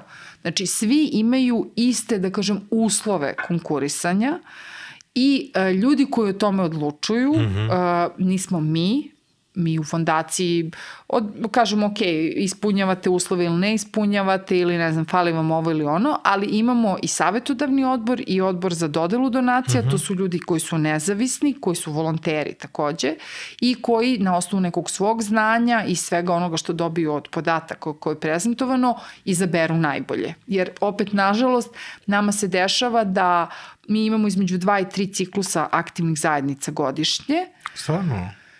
Da, Ja sam mislio samo dva puta. Pa, neka dva, neka tri, mm -hmm, bilo je godine kad smo imali samo jedan, to opet zavisi od finansiranja, jer i mi zavisimo od svojih donatora, Da, da, da. a donatori često vole da budu, kako kažem, kad neki program traje 20 i nešto godina, ja bih očekivala mm. -hmm. da kažu, vidi, program traje 20 i nešto godina, hajde da podržimo ovu uspešnu priču, da ne kažemo Dokazali brand. su se. Ne, hajmo nešto drugačije, inovativno, ajmo iz početka i tako dalje. Tako da, u stvari, obezbediti sredstva za taj program nije, nije Mhm. ni malo lako i zaista zahvalni smo našim ovaj, institucionalnim donatorima. Ajmo ko- samo, znači, E, za, to ljude koji, koji gledaju, znači, aktiv, e, sa, samo da, da napravimo pregled, a imate aktivne zajednice, zelene ideje. Aktivne zajednice su, da kažem, taj rasadnički program. Početak, Pored da. toga, mi imamo uh, različite programe kroz koje onda organizacije koje ipak imaju malo, uh,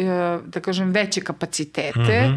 ambiciju, uh, neku dugoročniju viziju, ideju, uh, mogu da se, da kažem, uh, uh, razviju dodatno i mogu da podignu i svoje ambicije i svoj uticaj u zajednici i tako dalje. Tako da a, sa jedne strane recimo imamo program koji, o- ovo što si pomenuo zelene ideje, to je program koji ima za cilj da podstakne razvoj socijalnog preduzetništva, što je nešto što je civilni sektor toliko dugo radio u ovoj zemlji, opet ne, dosta neprepoznato. Mi smo tek ove godine u februaru dobili dugo očekivani zakon o socijalnom preduzetništvu koji, ako se ne vram, tek od 1. avgusta ili 1. septembra zaista i stupa na snagu, ali to je groundbreaking To sam situacija. posebno već odvojio da te pitam ovo, Jeste. šta je doneo zakon Da. i ostalo, možemo to da ostavimo i za kasnije, ali Da, da, možeš da. i sad ako želiš.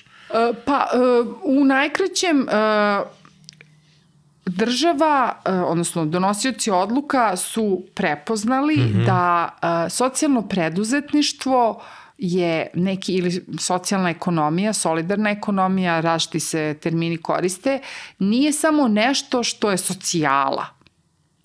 E, nije samo nešto što služi za ne, zadovoljavanje neposrednih potreba u situaciji kad ljudi ispadnu iz sistema, mm. treba im profesionalna rehabilitacija ili tako nešto ili tako nešto. Znači, nego jednostavno da tu postoje i različite vrste mogućih angažmana mm -hmm. i različite vrste uh, udruživanja za ostvarivanje ekonomske delatnosti, sve dok ta delatnost ima za cilj da određeni deo sredstava uloži u uh, pitanja od društvenog značaja. Znači, Aha, aha. ne znam, ja mogu da imam uh, agenciju za čišćenje. Ako ja uh, uh, sad da ne pogrešim, 30 ili 50%, čak mislim da je 30 ovaj, u zakonu, uh, posto svojih prihoda ulažem recimo u podršku organizaciji e, koja se bavi, e, podržava decu bez roditeljskog staranja, ja sam socijalno preduzeće. Znači ja poslujem na tržištu, mm -hmm. mogu da budem uh, uh, firma, uh, zanatska radnja, mogu da budem deo, mm -hmm. ali mogu da budem i udruženje, mogu da budem i fondacija, mm -hmm. mogu da budem i zadruga. To je nešto što do skoro uh, su donosioci odluka odbijali. Mm -hmm. ne, otprilike, to je privredna A delatnost. koji su benefiti onda za to preduzeće? Pa benefiti su ti da uh, uh, to preduzeće funkcioniše i posluje po ekonomskim uh, pravilima, ali uh, nije cilj tog preduzeća stvaranje profita. Da, da. Cilj tog preduzeća je da stvori dodatu vrednost koja ima svoju društvenu ulogu Dobro. i da kroz to ulaganje u uh, društvena, odnosno pitanja od uh, opšteg značaja, bilo su to socijalna, zdravstvena, bilo koja druga, uh -huh. da kažem pomogne rešavanju problema u svojoj zajednici. E, umesto da profit ide pojedincu koji je vlasnik, uh -huh. profit ide udruženju koja se brine za druge ljude, ide nekom centru koji podržava, ne znam, decu koje, koje su sa potrebnim potre, posebnim Ma potrebama, to, stare i tako dalje. Ne razumem koncept zašto ne bi otvorio obično preduzeće normalno i otvaraš realno u aperu i ot, nema podela socijalno i nesocijalno koliko ja znam. Ovaj, ti jednostavno samo ka, Sl- Razumem sad šta me pitaš. Šta je logička Uh, razlika, Vidi, šta ja je- koliko znam nekoliko uspešnih socijalnih preduzeća uh, su baš to firme koje su osnovala udruženja, evo ti, on, svi znamo za taj primjer Ba- Bagel Bagel, znaju, koji da. je Atina, znači organizacija, mm -hmm. ženska organizacija koja se bavi podrškom žrtvama a, trafikinga, a, a, osnovala kao firmu mm -hmm. i prihod a, prihod ide, a, da kažem, radu udruženja. Kroz tu firmu žene koje su bile žrtve nasilja ili žrtve trafikinga dobiju mogućnost da a, imaju neku vrstu profesionalne prakse, mm -hmm. nečega s čim tim nekim znanjem i iskustvom sutra mogu da odu negde drugde da rade, da, da kažem, imaš tu vrstu ekonomske ne znam, rehabilitacije, prosto da, Da, da, da. da nađu neko svoje mesto, mesto u društvu, da ne ostanu stalno u tom nekom stanju žrtve, traume i tako dalje. Ovaj, um, ali imaš i udruženja koja jednostavno kroz uh, delatnost udruženja ostvaraju ekonomsku, uh -huh. ekonomski prihod, jer mogu da, da ga ostvaraju i ne žele da prave firmu. Uh -huh. Ali to je socijalno preduzetništvo i kao takvo treba da bude, treba da bude prepoznato. Nadam se da će taj zakon da, da, da pomogne naročito u ono što je najjednostavnije, a što mislim da, da, da ljudi ne prepoznaju dovoljno to da se prave preduzeća koje će omogućiti zapošljavanje ljudi koji su ono koji nisu koji su pred penzijom, a koji više nisu ono u mogućnosti da budu da kažemo kompetitivni na tržištu Naravno. rada redovnog. Naravno. A, hoćemo da se vratimo još malo na, na ove male inicijative, na, na početak, uh -huh, na rasadnik. Uh -huh, ovaj, taj deo mi je negde naj, najvažniji jer imam utisak da sam kroz, ove nek, kroz ovih nekoliko programa na kojima sam radio poslednjih 7-8 godina video jako mnogo lepih nekih malih inicijativa i negde su ljudi mnogo ovaj, uvijek bili zainteresovani za taj deo kako početi. Uh -huh, Imaju uh -huh. ideju, a ne znaju kako. Da, pa evo, mislim, mi smo recimo u prethodnih nekoliko godina podržali neka stvarno baš zanimljiva uh, udruženja koja su iako bi možda neko očekivao preće doći iz nekih gradskih sredina, mm -hmm. Došlo iz nekih seoskih sredina. Mm -hmm. Tako da smo recimo podržali um, sad u, u posljednjem nekom periodu uh, organizaciju koja se zove Sejači sreće iz Varvarina, odnosno iz sela pored Varvarina. Znači, mm -hmm. to je malo selo gde su ljudi se organizovali, pokrenuli celu zajednicu, uh, aplicirali na aktivne zajednice, dobili sredstva za podršku, uh, tamo se organizovali, svako je nešto donirao, napravili su, mislim što bi se nekad zvalo MOBA, mm -hmm, da. ovaj, napravili su tu neku, da kažem, akciju u zajednici, ali uh, vrednost tog programa je ne toliko uh, u, ja bih stvarno rekla u, na primjer, konkretnoj uh, inicijativi koju mi odobravamo, uh -huh. jer to su obično projekti koji traju tako između šest meseci, godinu dana, nekad i mnogo kraće i vrednost naše podrške nije veća od par hiljada evra, uh -huh. mislim između 350-400 hiljada dinara recimo uh -huh. po toj inicijativi. Što ovako ne deluje malo, ali nije ni mnogo realno, mislim znamo svi kako brzo troškovi, uh -huh. troškovi idu. I uglavnom u velikoj meri su to i volonterske akcije, nisu ljudi dodatno sad plaćeni da nešto rade, nego je to uglavnom za te neke materijalne troškove. Pravimo kampanju, gradimo igralište, farbamo ogradu, čistimo od, ovaj, kako se zove, šumu od ne znam čega mm -hmm. ili reku i tako dalje. Ali ono što u stvari, ja mislim, najveća vrednost je ta mobilizacija zajednice jer onda ti ljudi imaju neku vrstu, dobiju neku vrstu, uh, uh, kako kažem, validira se njihov napor. Znači, neko ko, nije ono kao ja budala vidi čime se bavi, mislim, nego ok, ti donosiš neku vrednost u tu zajednicu i onda neke drugi ljudi uključuješ i onda i oni hoće da nešto urade. Kako kaže Derek Sivers, prvo, prvi pratilac je onaj koji transformiše budalu u lidera.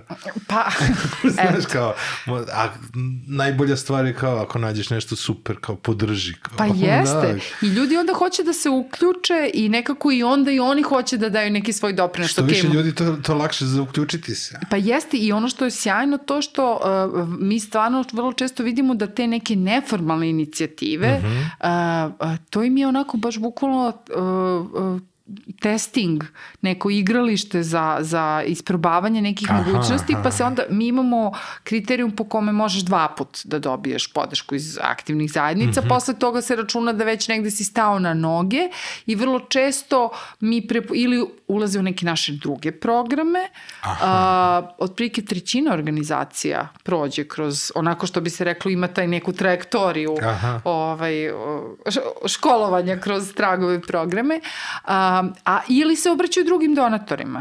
Mm -hmm. Mislim, ja ne mogu ni da nabrojim sve organizacije koje smo mi po prvi put po, podržali, a za koje posle jako puno, da kažem, donatora koji možda imaju ili striktnije politike ili možda nisu toliko prisutni na terenu pa ih ne vide, mm -hmm. ne mhm. čuju na početku. Uh, ih zdušno podržavaju. A kako podržavate Evo, recimo, neformalne grupe? Taj da mi nije jasan. Pa, lepo kad se hoće, sve se može. To je, oni moraju da, da registruju organizaciju ne, na kraju ne, ne, uopšte ne. puta ili... Ne, e, postoji dva, ajde kažemo, osnovna modela na koje je moguće da se mm -hmm. to radi. Mi se, smo se opredelili za drugi. Mm -hmm. Prvi model bi bio ti par prijatelja mm -hmm. ili ovaj kolega, saradnika, ho, ste neformalna grupa. Mm -hmm. I vi nešto radite, a mi vam plaćamo račune. Znači, uh, treba mi da odštampam materijale, meni štamparija pošlje račun, ja ga platim. Aha. Treba mi da, ne znam, okrećimo, pošlje se I to se, uh, uh, neki od naših kolega u regionu, pa čak i ovde, mm -hmm. to mhm. tako rade. Znači, operativno oni plaćaju te troškove. Mi smo se opredelili za drugi model, koji nam se čini mnogo svrsishodniji jer gradi poverenje i gradi partnerstva. A to je da neformalna grupa Uh, uspostavi partnerstvo sa već registrovanom organizacijom, najčešće i sobstvene zajednice, mm -hmm. i onda preko te organizacije, koja je neka vrsta fiskalnog agenta, idu sredstva. Ja mislim da je to mnogo bolji model, jer mi njima poklanjamo poverenje, I sad mi da kontrolišemo svaki rad, mislim mi kontrolišemo da se ne, da se, da se ne greši kad dođe do finansijskog izveštavanja, mi to sve kontrolišemo.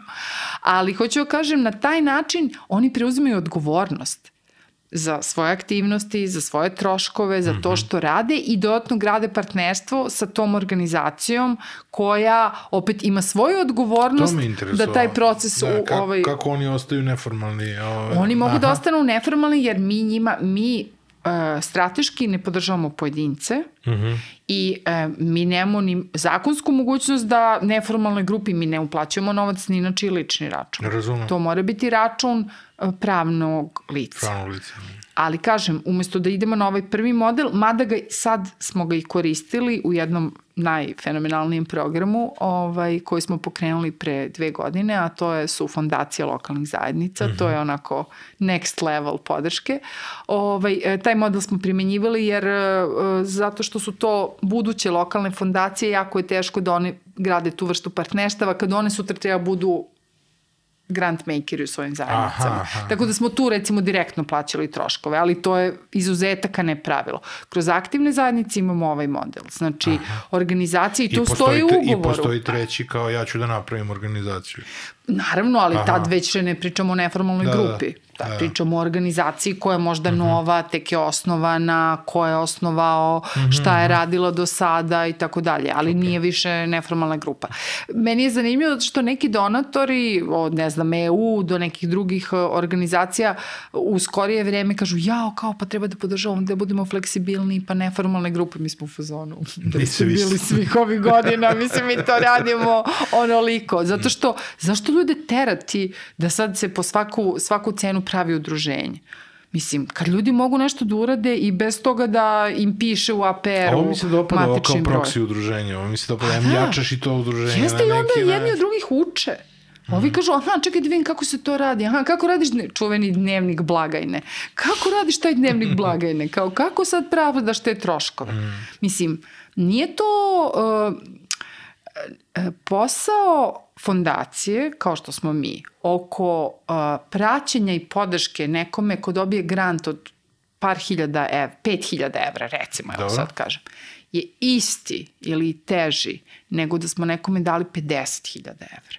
kapiram. Zato što su iste vrsta poslova, a vrlo često organizacija koja recimo dobije 5000 evra, nema znanje, nema iskustvo, greši ne zato što hoće da nešto pogreše, nego zato što ne znaju bolje, uče. I to je, to je sjajno. Na greškama svojim, tuđim, uče i sve su bolji. Ali hoću da kažem, to je dosta zahtevan posao, mm -hmm. ne da sad nama dižem spomenik, ali e, e, mnogo je važan posao jer je mnogo, kako kažem, uh, zahtevnije, ali s druge strane i mnogo nekako inspirativnije raditi sa organizacijama koje tek kreću, nego sa onim kojima su, koje su već što bi se reklo, uigrane. Mm -hmm. Mi smo pre nekoliko godina, sad već ne, ne, ne mogu se setim nikoliko, uh, po prvi put podržali uh, organizaciju uh, Sačuvajmo selo iz Priboja, -hmm. A, to je jedna od, pomenuo si malo pre Vanju, Malina Stanojević, e, Malina Stanojević, ovaj, koja je jedna od tih fenomenalnih žena. Vrlo je zanimljivo da ovaj, u, u tom nekom civilnom okruženju jako puno žena, pogotovo na lokalu. To je predivno. Ovaj, koje nekako su ne znam, pokreću sve to. Ovaj, ona je pokrenula um, do, dobila je podršku kroz aktivne zajednice, jedno pa još jednom mm -hmm. i pokrenula u stvari te, e, to je seoska sredina, okolina Priboja, planinski kraj, rasuta sela, nije ono Vojvodina, Šor, pa kao tu smo blizu. Mm -hmm ali ona je tom svojom fenomenalnom energijom ovaj, te žene nekako okupila, pokrenula. Onda smo ih mi preporučili, tad je ovaj, Delta fondacija imala taj program Zasad za budućnost, onda su oni kupile plastenike, pokrenule proizvodnju, pa, kako kažem, prosto transformisale prvo sebe, mm -hmm. onda kroz to udruženje, onda tu sad onda ih pomaže um, uh, UNDP, onda dolazi, ne znam, udruženje poslovnih žena, pomaže im da se ono tehnički opismene, poklanjaju im neke, ali hoću kažem ta trajektorija, uložiš neko ko je izuzetno vredan podrške, a tako, takvih organizacija zaista ima mm -hmm. i tekako, ovaj, ne ostaje skriven prepoznaju i drugi donatori i žele da podrže i nama je zaista jako uh, kako kažem, nagrađujuće ovaj, kad znamo da smo neku priču pokrenuli ovaj, iz početka. Evo sad skoro recimo je opet žene, ženski centar Užice, ženski centar Užice koji ima jedan od najznačajnijih uh, na temu socijalnih preduzeća, ekonomskih aktivnosti vezanih, vezanih za reciklažu tekstila Dobro. A, one godinama, znači ženski centar Užice koji, a, e, kako kažem, i podržava a, e, žene žrtve nasilja, kroz to socijalno preduzeće se delom finansiraju. Mm -hmm. a, sad su imale recimo nedavno akciju na crowdfunding platformi donacije.rs mm -hmm. donacije.rs a, i prikupile su sredstva za svoj web shop. Dobro. I ne samo što su prikupljale sredstva za web shop, a, nego što je onda valjda kako je krenula akcija i postale su vidljive, mhm. -huh. dobro nije ostalo skriveno, onda je ako se ne varam jedna agencija uh, uletela i rekla mi ćemo da vam uradimo pa, to. Taj da mi je čudno što ste skupljali. Pa da, ali da, one da, su... Ne, ne bi došli do njih da nisu krenuli sa kampanjom, interesantno. Upravo da, to, šta je znači starije. one su pokrenule kampanju Aha. i onda su dobile tu podršku i sad mogu ta sredstva na drugi način da ulože. Da, da, interesantno yes, skroz. Da. da. Sve više uh, uh, lokalnih organizacija se okreće uh, crowdfundingu kao kao, odnosno grupnom finansiranju, kako se to zove. Grupno finansiranje na bazi donacija, ovaj, kao načinu da prikupe sredstva, ne samo da prikupe sredstva, nego da okupe zajednicu i da postanu pa, vidljivi. Sve je zajednica. Yes. Sve je zajednica. E, e, zajednica zajednica želi da prestane da bude publika, želi da učestvuje. Jer jedno ti je kad imaš samo publiku, a drugo je i, ja gledam i mediji su sad skroz prešli na decentralizovano finansiranje, na pretplatu ka sadržaju, na, na svemu ovome. Da.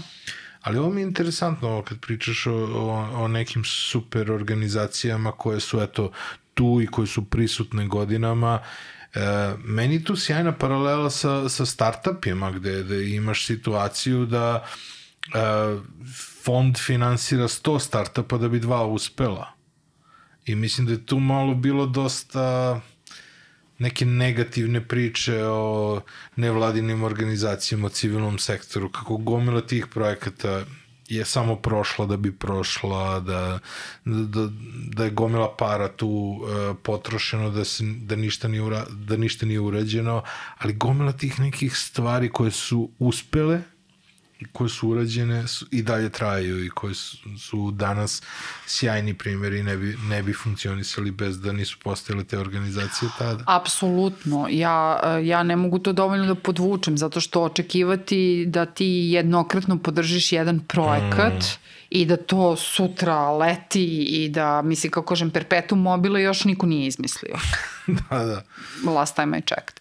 Tako da, to je stalni posao i to je u stvari kreiranje jednog okruženja u kome e, je to društveno poželjno ponašanje, ne znam kako to da kažem mm -hmm. drugačije.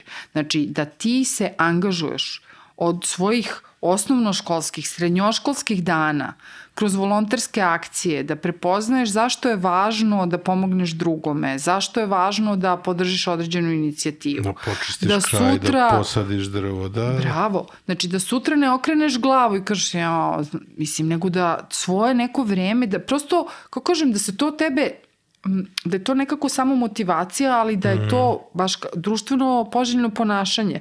Je, kao što kompanije ulažu, ne, mislim, možda neki ne bi, ali piše im u izveštaju, pa to neko gleda, mm. pa će da se potrude da urade najbolje što mogu. Mislim, a stvarno svaka im čast svima. Mislim, meni je žao što zbog zakona o odlašavanju, zakona o marketingu i tako dalje, zaista se kroz medije mnogo manje čuje o tome šta sve da, da, da, da. kompanije, mala srednje preduzeća, porodične firme kidaju mislim da onako koristi malo ovaj ulični rečnik, ali zaista kidaju. To je, to, to je fenomenalno. Ima S druge strane, dobra reč iz uličnog rečnika, malo pre mi je pao na pamet da se iscimaš. Jer to je ono fenomenalno pa objašnjenje ovaj, za, za sve te aktivnosti. Kao, pa jeste, pa to da. To je nešto ekstra. Ono što... Pa da, ali ja mislim da ljudi... Uh, ljude treba ohrabriti uh -huh. uh, i ljude, mi imamo nažalost ovaj, u našem jeziku čuvenu izreku dobar čovjek gotova budala. Mislim, ja, ja mislim da je to jedna od najpogrešnijih izreka koje postoje. Ali imamo i dobro se dobrim vraći. Upravo, upravo.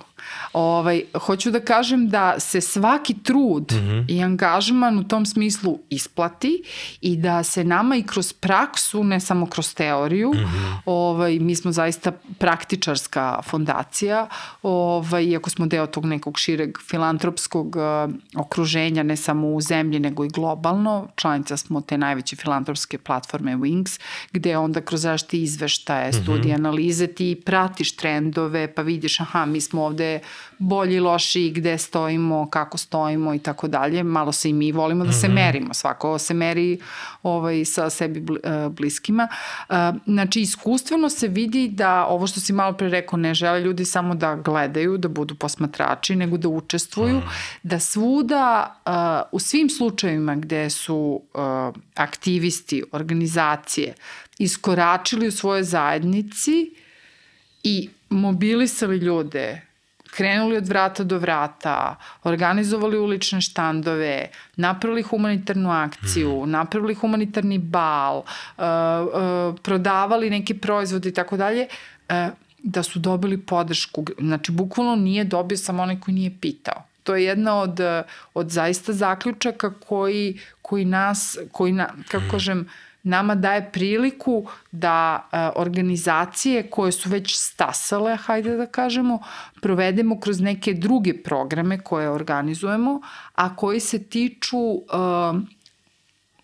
jačanja njihovih uh, znanja i veština, kapaciteta za tu neku održivost. E, finansijsku. Mm -hmm. Znači, o, mi učimo organizacije kako da prikupljaju sredstva u svojim lokalnim zajednicama. Mislim, to je mobilizacija lokalnih aha, resursa, aha. ali znači, bukvalno oni prolaze treninge i prolaze iskustveno kampanje koje njima pomažu da se oprobaju bez obzira za šta je, da li, da li hoće da opreme kulturni centar, mm -hmm. da li hoće da uh, obezbede sredstva za nešto što je njihov, da kažem, neka kampanja, da li hoće, uh, kad god se obraćaju građanima, kad god se obraćaju lokalnim kompanijama, to je tekako prepoznato i iz godine u godinu mi vidimo da oni prikupljaju sve više sredstava za sve kraće vreme. Čak i u vreme mm -hmm. krize, uopšte to, mi smo u ovom periodu pandemijskom organizovali uh, program koji sad nazivamo Akademija održivosti, uspešni fundraising, Akademija -hmm. održivosti i tako dalje. Ljudi su bez problema za vrlo kratko vreme prikupljali, prikupljali sredstva. Što do, opet govori o tome da već postoji unutar zajednica kultura davanja, kultura davanja i jedna vrsta kritične mase mm -hmm. da ljudi da ljudi znaš ne gledaju s nepoverenjem da im je sasvim okej okay, da im se neko obrati. Možda ćeš donirati možda nećeš. Mm -hmm. u tom smislu šta je naša uloga? Da tu kulturu promovišemo da s druge strane dajemo podstice organizacijama i recimo kažemo evo ako vi u svojoj zajednici prikupite 100 dinara mi ćemo vam donirati još 100 A to je matching, kao to dinar je matching. za dinar. Aha, aha. Dinar za dinar. Da. I to onda, to sve motiviše. To motiviše njih da kažu, aha, čekaj, ako skupim dinar dobit ću dva. Da, da. To motiviše onog što je darodavac koji kaže, aha, ako dam dinar, na moj će doći još neko će da, dati. Da. I to se stvarno pokazalo kao odličan model odličan model za nešto što u stvari je, kako kažem, gra, ide dalje i gradi dalje. I Malo gde... je u paketu sa našim inatom, ona kao, kao daću ja, ako da on daću pa ja. Pa jeste, pa da, ali to je, ja mislim da je to zaista vrlo, kako kažem, legitiman mm, način a, prikupljanja sredstava i onda su a, organizacije na najrazličitije načine uvek kreću iz svog neposrednog okruženja, uh mhm. -huh. od svojih prijatelja, od ljudi koji ih razumeju, koji saosećaju, koji isto vi, uviđaju značaj tog problema, ali dalje šire uh, to neko svoje, ovaj, uh, i tu se najrazličitija partnerstva, najrazličitija partnerstva sklapaju. Mi smo sad nedavno izdali dve publikacije uh -huh. i mhm. ovaj, uh, stvarno pozivam um, tvoje slušalce, gledalce, da ovaj, posete sajt uh, tragfondacija.org imamo uh, nacionalnu i regionalnu publikaciju. Nacionalna se zove uh, a, a šta ako može, mm -hmm. a, a regionalna se zove znak da može. Aha, aha. A, a obe se odnose na, na primere, to su uspešne priče u, jako su zanimljive, mm -hmm. uspešne priče upravo tih uh, udruženja koja su uh, pokrenula lokalne akcije, prikupila sredstva, ispunila svoj cilj da, kako kažem, imaju novi kulturni centar, da imaju novu socijalnu uslugu, da se čuje za kampanju. Bilo je recimo uh, udruženje da se zna, mm -hmm koje o, e, je važno u smislu promocije zaštite prava LGBTQ e, zajednice. A, oni su napravili partnerstvo s jednom od najuspešnijih e, marketičkih agencija. Njima je McCann radio Odričem se kampanju. Mm -hmm. Ne znam da li se ispratio u medijima. Mislim da jes. Znači, praktično je bila kampanja i to su radili pro bono. Aha A, Hoće velike agencije da rade... A njima je to isto to je playground. Njima je da, da urade jednu kampanju godišnje, znači ono, dve neke sjajne stvari. Pa i to je deo njihovog odgovornog poslovanja i dobiju nagrade upra, još pride. Upravo to, znači ti možeš bukvalno, to, to taj izlozak iz, iz kutije, što bi se Absolutno. rekao, da ti možeš, ne znam, uh, isto je bilo, bilo neko partnerstvo, ja se uduševio sa onom drugom, ono, ovaj, kad kad ti budeš želela ili kao kad u smislu kao kad tako, tako je naziv kampanje nešto, kad ti budeš spremna kao da govoriš Da, da, da, da, da, da, razumem, da. Uh, isto je bilo, to je jest. isto neka velika agencija jest, jeste. radila, isto sa nekom organizacijom. Uh, McKenny je radio ovo za da se zna, mm -hmm. odričem se, a recimo radili su u Crnoj Gori, mi kažem, znamo kroz ovaj ženski program, pošto je regionalni, da su radili za ovaj, uh, Centar za ženska prava mm -hmm. uh, neželjenu kampanju koja je bila izuzetno e, vidljiva i čak do neke mere i kontroverzna, ako možemo tako da kažemo, ako je direktno u, ukazala na e, prisutan problem, e, ja mislim da se to stručno zove prenatalni femicid, gde se e, namerno prekidaju trudnoće ukoliko postoji indicija da je e, ženski plod u pitanju. To je situacija. I oni su radili tu kampanju mm -hmm. i to je izazvalo baš veliku buru da. u, ovaj, u crnogorskoj javnosti. Pre 26 godina to je bilo predmet viceva. Ali to je, to je stvarnost koju mi živimo. Mm. Mislim, prosto današnja, da kažem, medicinska diagnostika to omogućava. omogućava da se jako rano utvrdi ovaj, e, pol buduće bebe mm -hmm. i nažalost, sad da ne širimo temu, te stvari se dešavaju, namerni prekidi trudnoće. Čoveč. Zbog toga.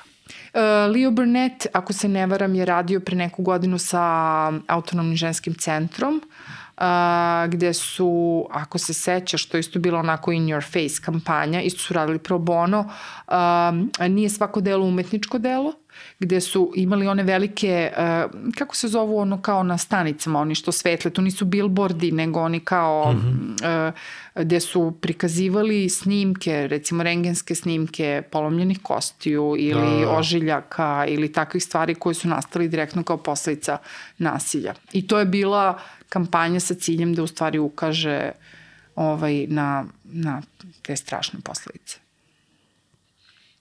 kontaktirajte velike agencije ako imaju prostora.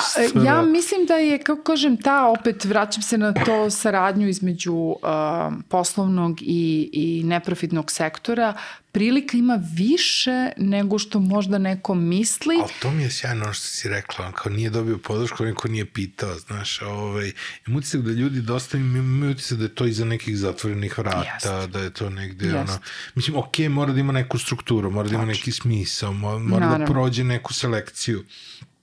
Ovaj, ja se često pitam koji su to neki projekti koji ne dobiju dovoljnu medijsku pažnju, a jednostavno su sjajni u nekoj svojoj ovaj, koliko nam u stvari trenutni medijski prostor onemogućava da čujemo koliko se nekih sjajnih stvari radi oko nas. Pa, uh, medijski, ja stvarno nisam stručnjakinja za mm. komunikacije, uh, mogu samo da govorim iskustveno.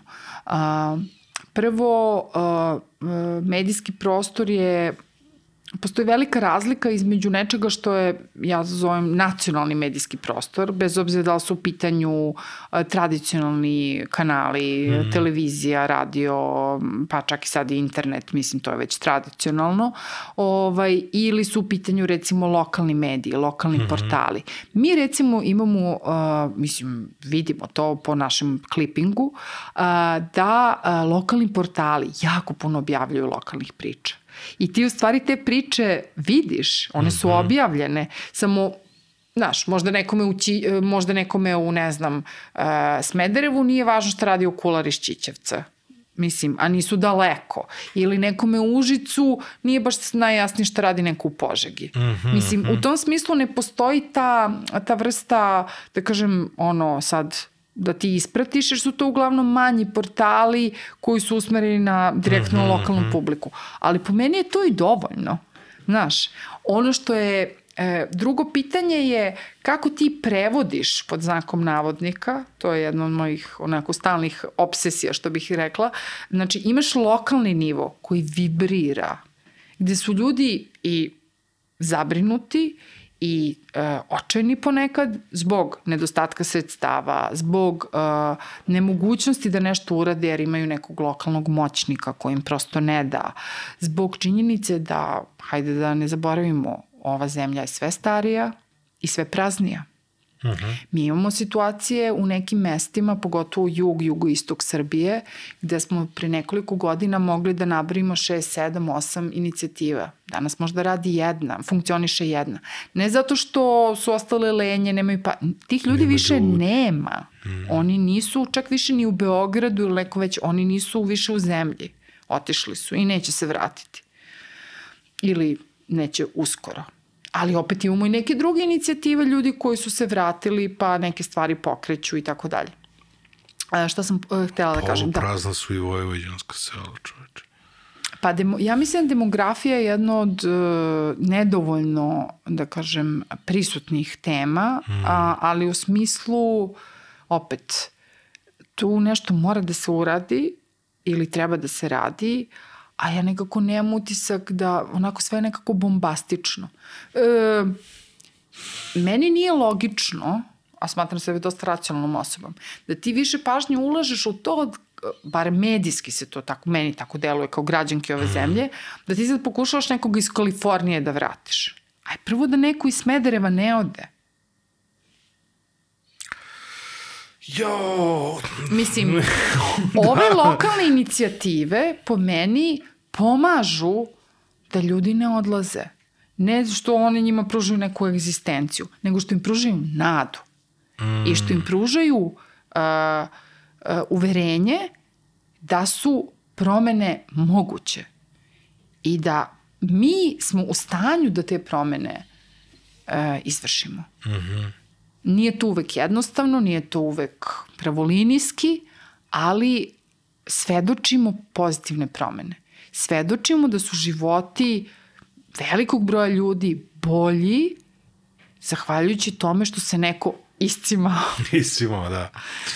I ja sam zaista, kako kažem, ja mnogo volim svoj posao, mnogo volim, uh, ovaj, imam ogromno poštovanje i ljubav prema svom timu i prema svim ljudima koji su, da kažem, u tom nekom širem ekosistemu, što bi neke I kolege. da se.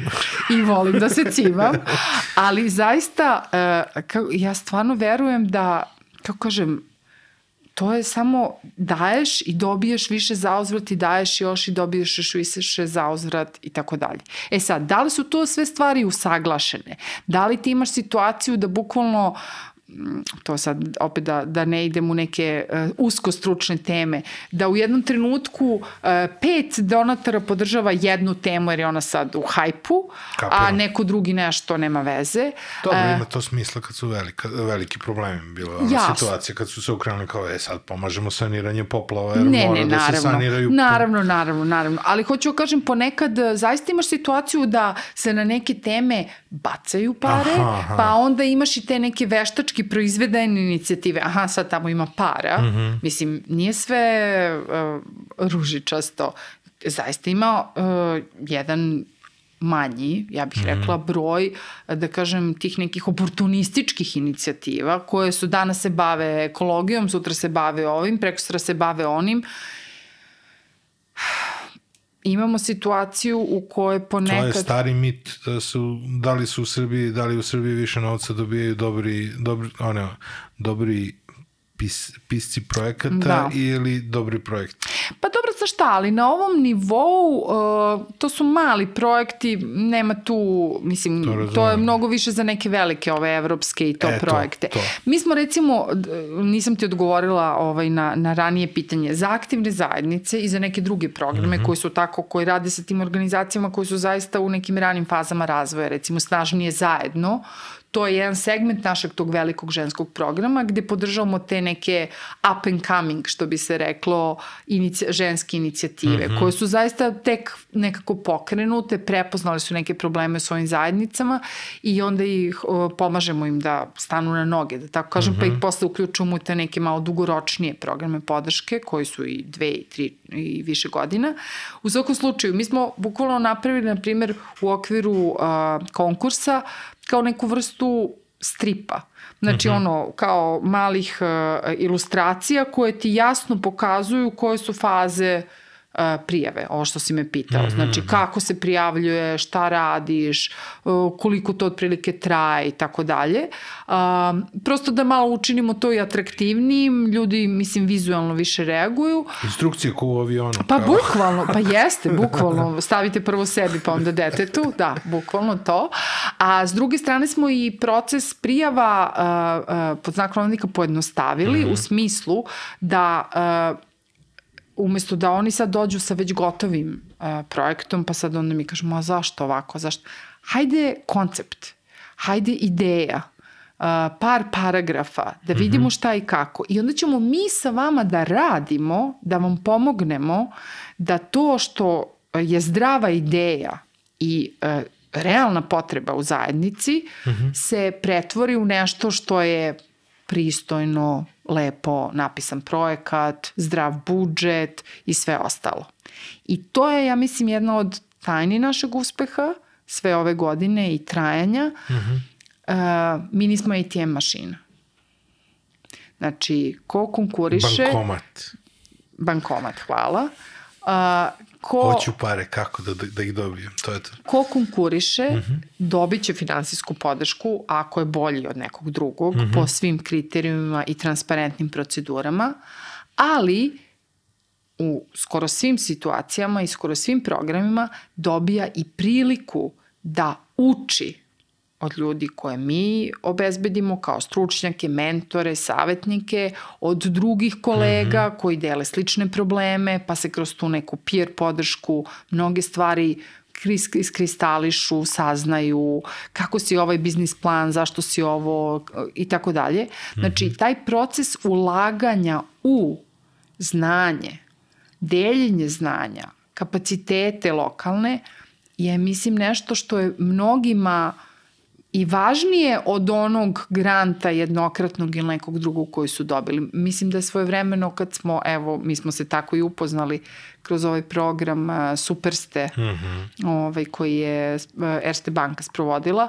uh, e, učesnici su često taj edukativni deo programa uh, navodili kao značajniji za svoj razvoj i za to što im je, ovaj, da kažem, ta inicijativa donela nego, nego sredstva mm -hmm. koja su bila važna i praktično nezaobilazna da bi to sproveli u delo. Naravno. Ali ovo ostaje kao neko trajno ulaganje. Da, ali novac, to, to ono što ljudi ne razumeju, novac je gorivo. A ti moraš da sklopiš neko vozilo da negde da sipaš to gorivo. Mislim, pa upravo znaš, to. Tako da... Ovaj, upravo to. Ali, Ili ako znaš kako da taj novac pronađeš, odnosno da nađeš svoje savesnike u zajednici, mm. a, onda to nije ono, jednokratno ovaj, dobio sam ribu, nego... Pa da, da, da, nego sam naučio da pecam. Mm -hmm. uh, ali šta, šta, šta je meni u stvari uh, jako važno? Meni je jako važno to što sam ja zajedno sa tobom, mm -hmm. uh, znači kroz Superste, kroz uh, pomažem Milanovu organizaciju iz Niša, tamo sam čuo gomilu nekih uh, pro, planova koje mladi žele da, da sprovedu u delo. Na, još, na, na jednom programu sam, sam radio sa Smart kolektivom. Ja sam video jako mnogo mladih, čak i ne, ne ni mladih, u nekim projektima, ljudi koji imaju neke dobre ideje, imaju neku inicijativu, žele da urade nešto dobro i mene to strašno motiviše. Međutim, kada pričam sa ljudima van tog nekog... Babla. Pa čak i babla, da. Van nekog svog okruženja, kao šta ti daje pozitivu, šta ti daje tu neku motivaciju, kao gde ti vidiš, sve je crno sve. I onda kao, pa ne, postoji jako mnogo ljudi, ali se o njima ne priča, upravo iz, iz te neki, možda stalno vraćam priču na istu vodenicu, ali uh, šta je sa onima koji nisu dobili Virtus nagrade, koji su ispod crte, koji nisu, nisu dobili nagradu, šta je sa onima koji su konkurisali na, na dosta nekih projekata gde su bili pobeđeni sa nekima ko je bolje pisao projekat, koji su zbog neke ono ovaj, problematične stvari. Šta je sa tim nekim inicijativama, sa tim nekim ljudima koje su, eto, čak i neke stvari koje rade, a koje nisu dovoljno vidljive. Kako da, da, da tu stvar proširimo? Uh, pa, ja sam ranije pomenula da je potrebno strpljenje. E, mm -hmm. Mislim, ne u smislu sad kao ajde strpljen spasen, ali u smislu da uh, nijedan, ja mislim ni u, ni u poslovnom okruženju, nije mm -hmm. svaki projekat uspešan. Ili možeš da imaš sjajnu ideju, svašta si nešto uradio, mm -hmm. znaš da si uradio najbolje što može, ali prosto postoji neko bolji u tom trenutku od tebe. Jel? Ali to nije razlog da se odustane. Mi kao fondacija isto konkurišemo za sredstva. Mm -hmm. I mhm. mi smo nekome, neko odlučuje o našoj, što bi se reklo, sudbini. Mm -hmm. Samo što je, su naši budžeti mnogo veći i što ako mi ta sredstva dobijemo, moći ćemo da podržimo x broj mm -hmm. organizacija inicijativa. Ako ne dobijemo, neko drugi će to uraditi na bolji ili na gori način. Uh, hoću da kažem sledeće. Uh, e, mi se trudimo kao fondacija, a ja mislim da i dosta kolega to radi, e, da e, zaista poboljšamo i svoje komunikacione veštine i da poboljšamo načine na koje promovišemo te inicijative. Video materijale koje snimamo, pa objavljujemo na društvenim mrežama, uh, uh, podatke, izveštaje, fotografije sa akcija i tako dalje. Mhm. Zaista verujem da, će, da to ljudi vide. Imali smo prošle godine kampanju, to je bila i regionalna kampanja, mi smo kao fondacija članice jedne mreže koju zovemo Sign. Uh -huh. a, to su slične sestrinske fondacije u praktično svim zemljama regiona, osim Albanije. A, zvali smo je Dobro društvo. Uh -huh. I tu su isto bile te priče ono, sa, od krvi i mesa o nekim ljudima koji svaki dan nešto rade da svoje okruženje učine boljim. Uh -huh. E, tu kampanju je videlo na mrežama preko 700.000 ljudi. Mislim, to, to ja mislim nije mali broj. Pa nije. E, Virtus prošle godine kad nismo mogli da pravimo ceremoniju koja je obično... To domaći jezik, to je 20 miliona potencijalno gledalaca, ili tako? E, da, Da, mm -hmm. a, pa jeste, ali e, ovo je bila nacionalna kampanja, mislim ovo što, što sam pomenula, tako mm -hmm. da ovaj, Virtus recimo koji obično kad pravimo ceremoniju 200-250 ljudi je prisutno na ceremoniji puta članovi novinari. njihove porodice, poslovne, novinari i sve što ono kad krene clipping posle Virtusa, to mm. je onako reka bez, bez kraja. Uh, ali prošle godine kad smo snimili video, jer smo morali u tim uslovima pandemije, uh, taj video je, ja mislim, videlo negde oko 13.000 ljudi. Mm -hmm. Mislim, kako kažem, kao da su bili na toj, na toj, uh, na toj ceremoniji. A to je opet, kako kažem, u nekim opet relativno ograničenim uslovima, jer nismo, niti imamo puno sredstava, niti imamo jako mnogo kapaciteta da sad, što bi se reklo, pršti.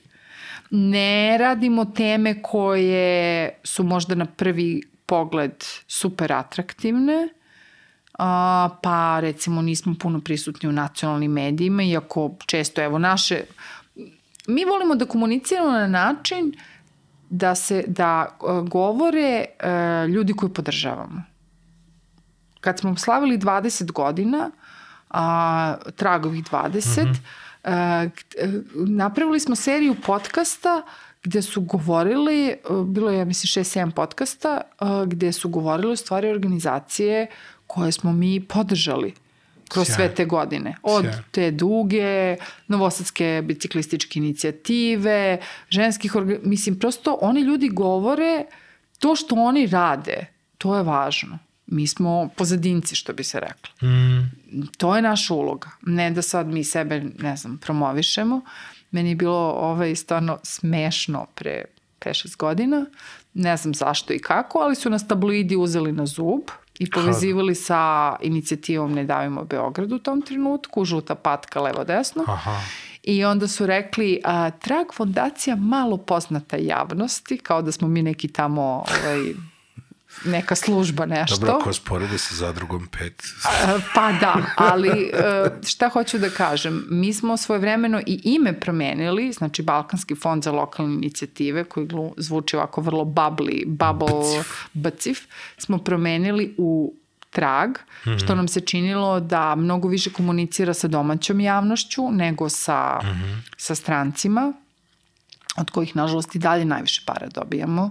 Ja volim da se šalim, malo gorko, da su naši donatori poreski obveznici, ali, nažalost, drugih zemalja. Uh mhm. -huh. Jer mi od države naše ne dobijamo sredstva. Jer sredstva koja su i na raspolaganju su uh, takva da ili mi za njih ne želimo da konkurišemo, mm -hmm. jer bismo time bili konkurencija ljudima koje podržavamo, Pa da. Ili su jednostavno u nekim oblastima u kojima mi nismo, nismo prisutni. Mm -hmm. Tako da ovaj, a, a, naša je negde stvarno a, želja i namera da to tragamo za dobrim inicijativama, da one uz našu podršku ostavljaju trag u svojim zajednicama. Malo smo se igrali mm -hmm. ovaj, jezikom, ali prosto da mi budemo ta support organizacija, a da organizacije dobiju priliku da se razviju, da građani koji ih podržavaju ovo što ne, nisu više posmatrači. Ja ako dam novac nekome, mm -hmm. mene, ja podržavam to što oni rade. I zanima me to što oni rade. I sutra ću ponovo podržati. Prosto to tako ide. Kapiram. To je ta vrsta, kako kažem, i legitimiteta koje te organizacije onda i vuku, zato što Zato mi ih podstičemo da se što više obraćaju građanima, jer ako tebe podrži određeni broj ljudi, mislim, kako kažem, neće oni sutra reći, a ja sam im dao novac, ali u stvari oni su tamo neki šarlatani. A, -a. Nego će reći, aha, šta ste uradili, da vidim, aha, super, kako ja mogu da pomognem, hajde sutra ovo, ono, mislim, prosto to je jedan onako efekat lavine, mm, najlepše moguće. Najlepše da, moguće. Da. Uh, kad si kad već pominješ vaš međunarodni fundraising ili ti prikupljanje sredstava, koliko je trenutno ono naskakanje na trend, koliko je trenutno dominantna priča u Ukrajini? Pa ovde ne, toliko. Mislim, ne znam na što tačno misliš. Pa, koliko misliš da će, ovaj, A to će, da će to će izazvati o, na da. lavinu upravo tu?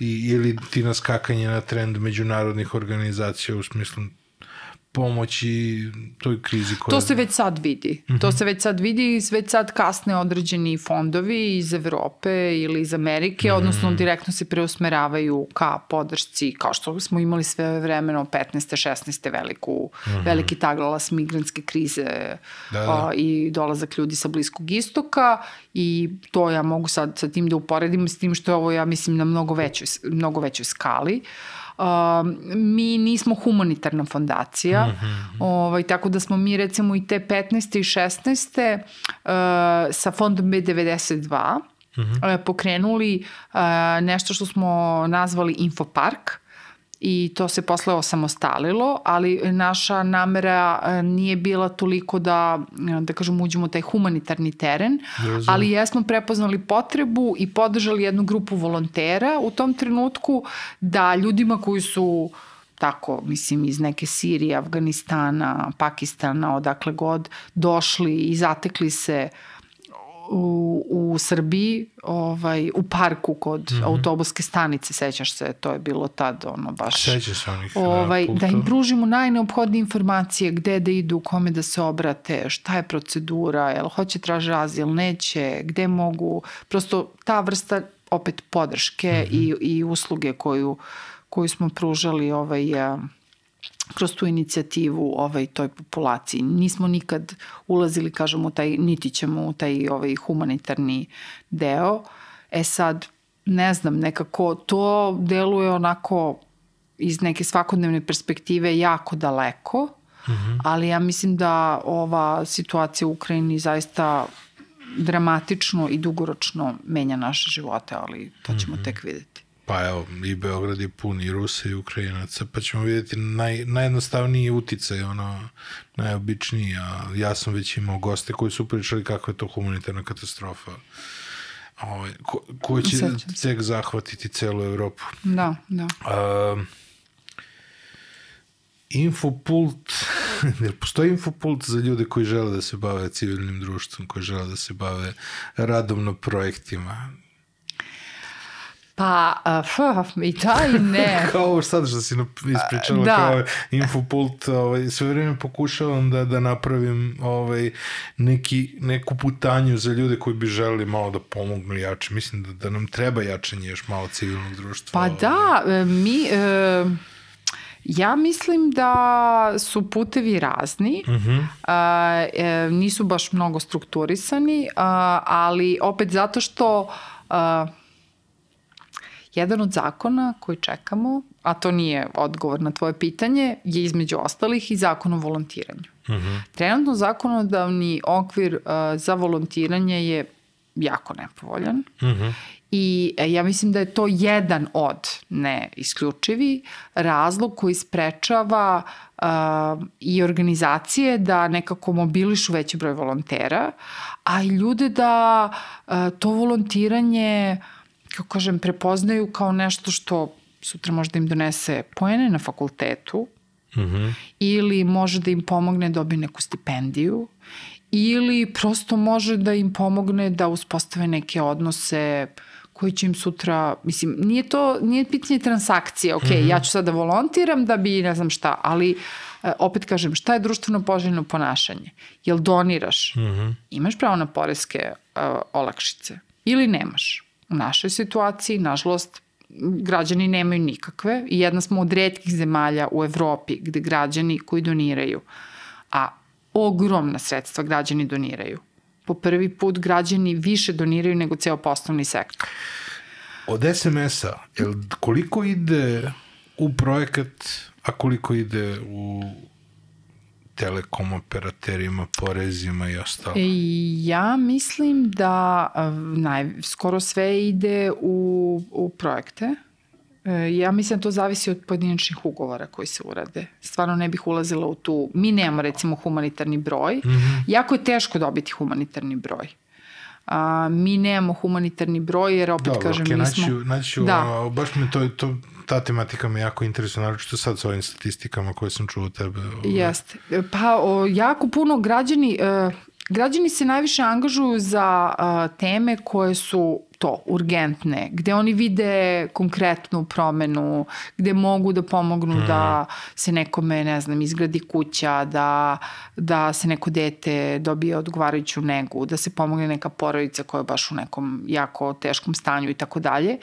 A, a negde bih ja volela da verujem da će u nekom, nekom narednom periodu i građani više ulagati u neke teme koje su dosta na um, ajde kažemo u zapećku mm -hmm. kao što su kultura kao što je, su inovacije mm -hmm. kao što je sport kao što, mislim prosto neke stvari koje izlaze iz onoga što su već tradicionalno teme, a to su zdravstvo, mm -hmm. prvo, na prvom mestu ubedljivo, pogotovo posle pandemije i tokom pandemije, a, a podrška a, smanjenju siromaštva, mm -hmm. a, e, podrška ono, ugroženim grupama, a, obrazovanje, to je super što obrazovanje sve više raste, Ali opet se posle pitanje do koje mere je to nešto što je infrastrukturno, ajde da sredim školu, a do koje mere je ono što bi ja rekla da je ono software. Sistemsko. Da, sistemsko, ali e, neka nova inovativna rešenja u obrazovanju, prosto mm. koja doprinose da danas sutra bude taj veći broj volontera, ovo što si pomenuo. I da se vratim tu na tvoje pitanje. Znači, različite ljudi na različite načine ulaze u, uh, u aktivizam. Mm. Uh, neki zato što ih je muka naterala. neki, kao recimo ove neke razne ekološke organizacije koje tamo brane planine da ne budu divlji rudnici preko noći, čuvaju reke ili ne znam već šta ovaj, neki ljudi zato što zaista žele nešto da urade i da pomognu. Mi smo recimo, po, evo, zanimljivo je, ovaj, sad nedavno podržali jednu organizaciju koja se bavi o, o, o mladima, a, regeneracija koja pomaže mladima da kako kažem, da shvate do koje mere treba odgovorno da se ponašaju kad je u pitanju uh, konzumacija alkohola, konzumacija droga, mm -hmm. da izbegnu situacije koje ih vode.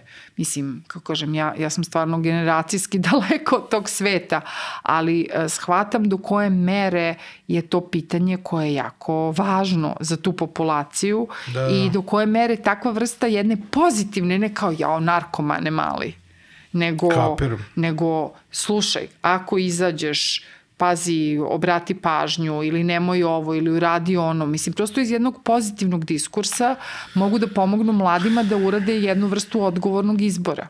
I oni recimo tu sarađuju sa našom kancelarijom za prevenciju droga. I to, to je, mislim da se tako zove, znači kancelarija za borbu protiv, protiv droga, znači koja je jedan od sjajnih primera državne institucije koja je vrlo otvorena, čak ono, u nekim širim evropskim okrivima se navodi kao jedna od institucija koja je vrlo otvorena za utice i za saradnju sa, sa civilnim sektorom, što opet pokazuje da može, kad se hoće. Pa naravno. Pa evo sad Bob, sa, sa Bobom Živkovićem sam pričao, mi pričao o čuvenom ovaj, eksperimentu sa, ovaj, sa miševima i kao miš koji je izolovan i koji ima kao drogu, eh, koji ima heroin i vodu, on će da se navuče na heroin, a miš koji živi u dobrom okruženju, okružen drugim miševima, neće nikada proba ovaj, a, E, ljudi, ja mislim, što nekako bude e, manja retorika o stranim plaćenicima dobro. ili o leba bez motike ili o raznim drugim opcijama koje, da kažem... Magla, magla se sama prodati Da, neće.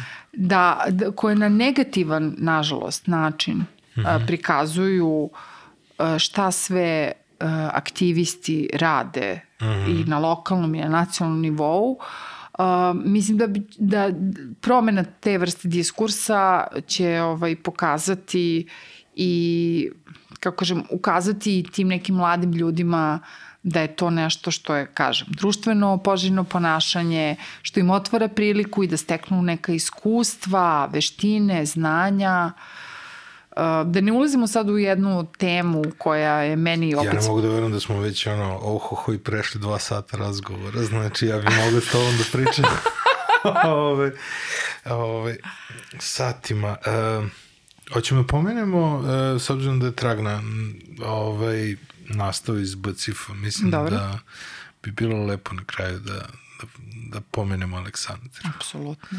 Ovaj, Ja sam im pomenula i u Virtus govoru. Na, nažalost, napustila nas je Aleksandra. Uh, aj ti.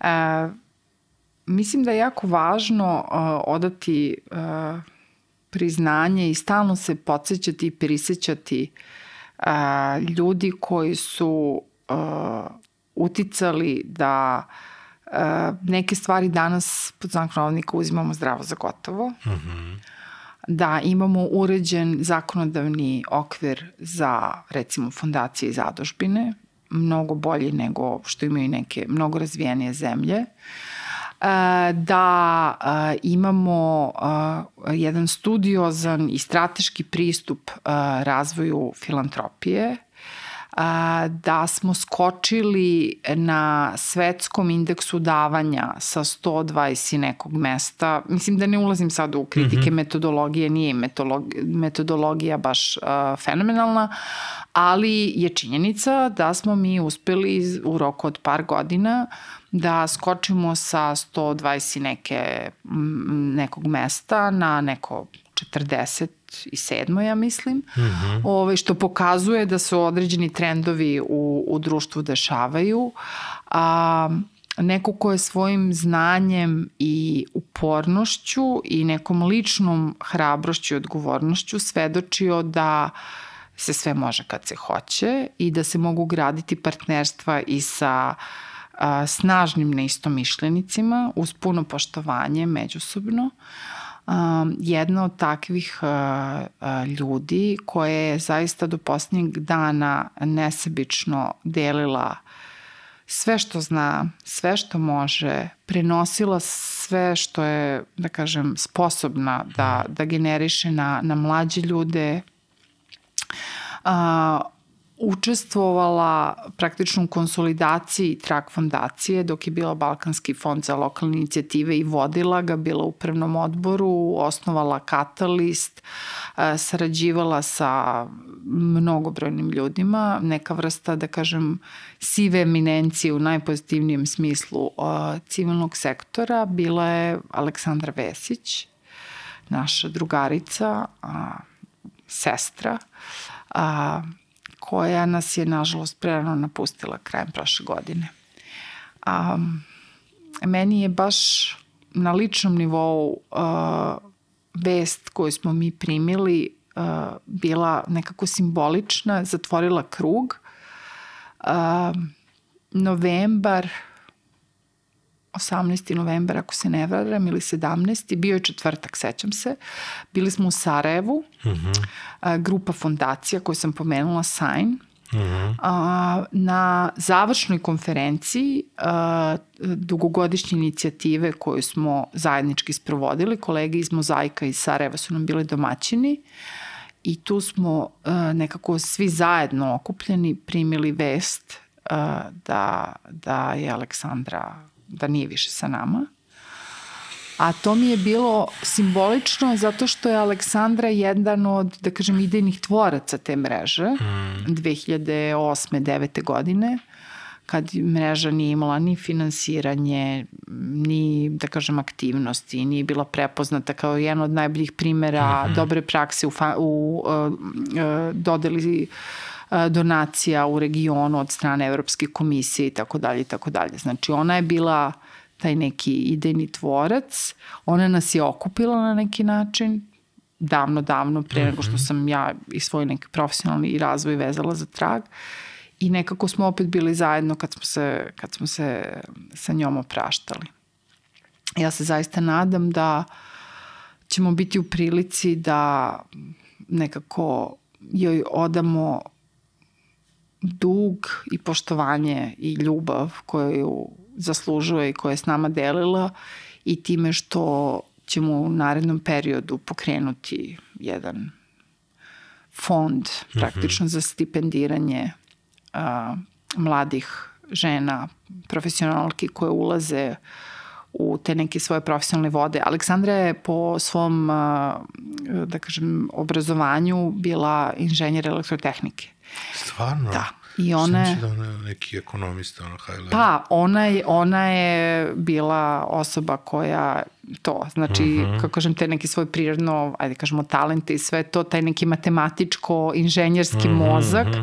je stavila u funkciju a, razvoja neprofitnog sektora. I to se tačno videlo po njenom pristupu, koji je uvek bio vrlo sistematičan, strateški postavljen, uvek je gledala, što bi se reklo, preko plota i nekako ja se nadam da eto ovaj, i Trag i kolege iz Katalista koji je razvila nakon odlaska i tra, iz Traga i sve kolege i kroz koaliciju za dobročinstvo i Srpski filantropski forum i tolike druge inicijative kojima je pomogla, ovaj, će, da kažem, uvek ženske organizacije. Ona je započela u stvari svoj aktivizam kao volonterka SOS telefona u autonomnom ženskom centru koji trag je nekoliko godina i podržavao i koji je jedan, da kažem, mhm. naj istaknutih ženskih organizacija i motora, da kažem, iza, mhm. iza ženskog pokreta. Uvek je bila ponosna na taj svoj feministički background i vrlo ga je, da kažem, opet uz sve, svo poštovanje prema neistomišljenicima ovaj, isticala, borila se za one koji su manje privilegovani, ovaj, za prava osoba s invaliditetom, za dostupnost, mobilnost, za sve ono za šta prosto, kako kažem, ostaju kao neki njen legat i mm. a, da kažem putokaz za, za mnoge od nas. Hvala ti puno. Nema na čemu, hvala tebi na pozivu. Hvala vam što ste gledali još jednu epizodu, još podcast 1. Ovo je bio moj razgovor sa mojom dragom prijateljicom Biljom iz Trak fondacije. Hvala vam što ste nas gledali, hvala našim sponsorima. To su Beans Kafa i MVP Workshop. A za kraj, naša zajednička prijateljica, inače gošća u ovom podcastu, poslala mi je neke knjige koje treba pokloniti ili ti davati. Međunarodna pomoć, ajde da je nazovemo tako, operativni menadžment dosta teška i globalni e, globalna knjiga slučajeva iz društveno odgovornog poslovanja, ajde tako da nazovemo, napišite u komentaru za koju ste knjigu ovaj, zainteresovani, ako ste stigli do kraja ovog podcasta, zaslužujete to, napišite u komentaru i uh, poslaću vam knjige besplatno, samo platite poštarinu. Hvala i vidimo se sledećeg četvrtka. Ćao, čao. Bye, bye.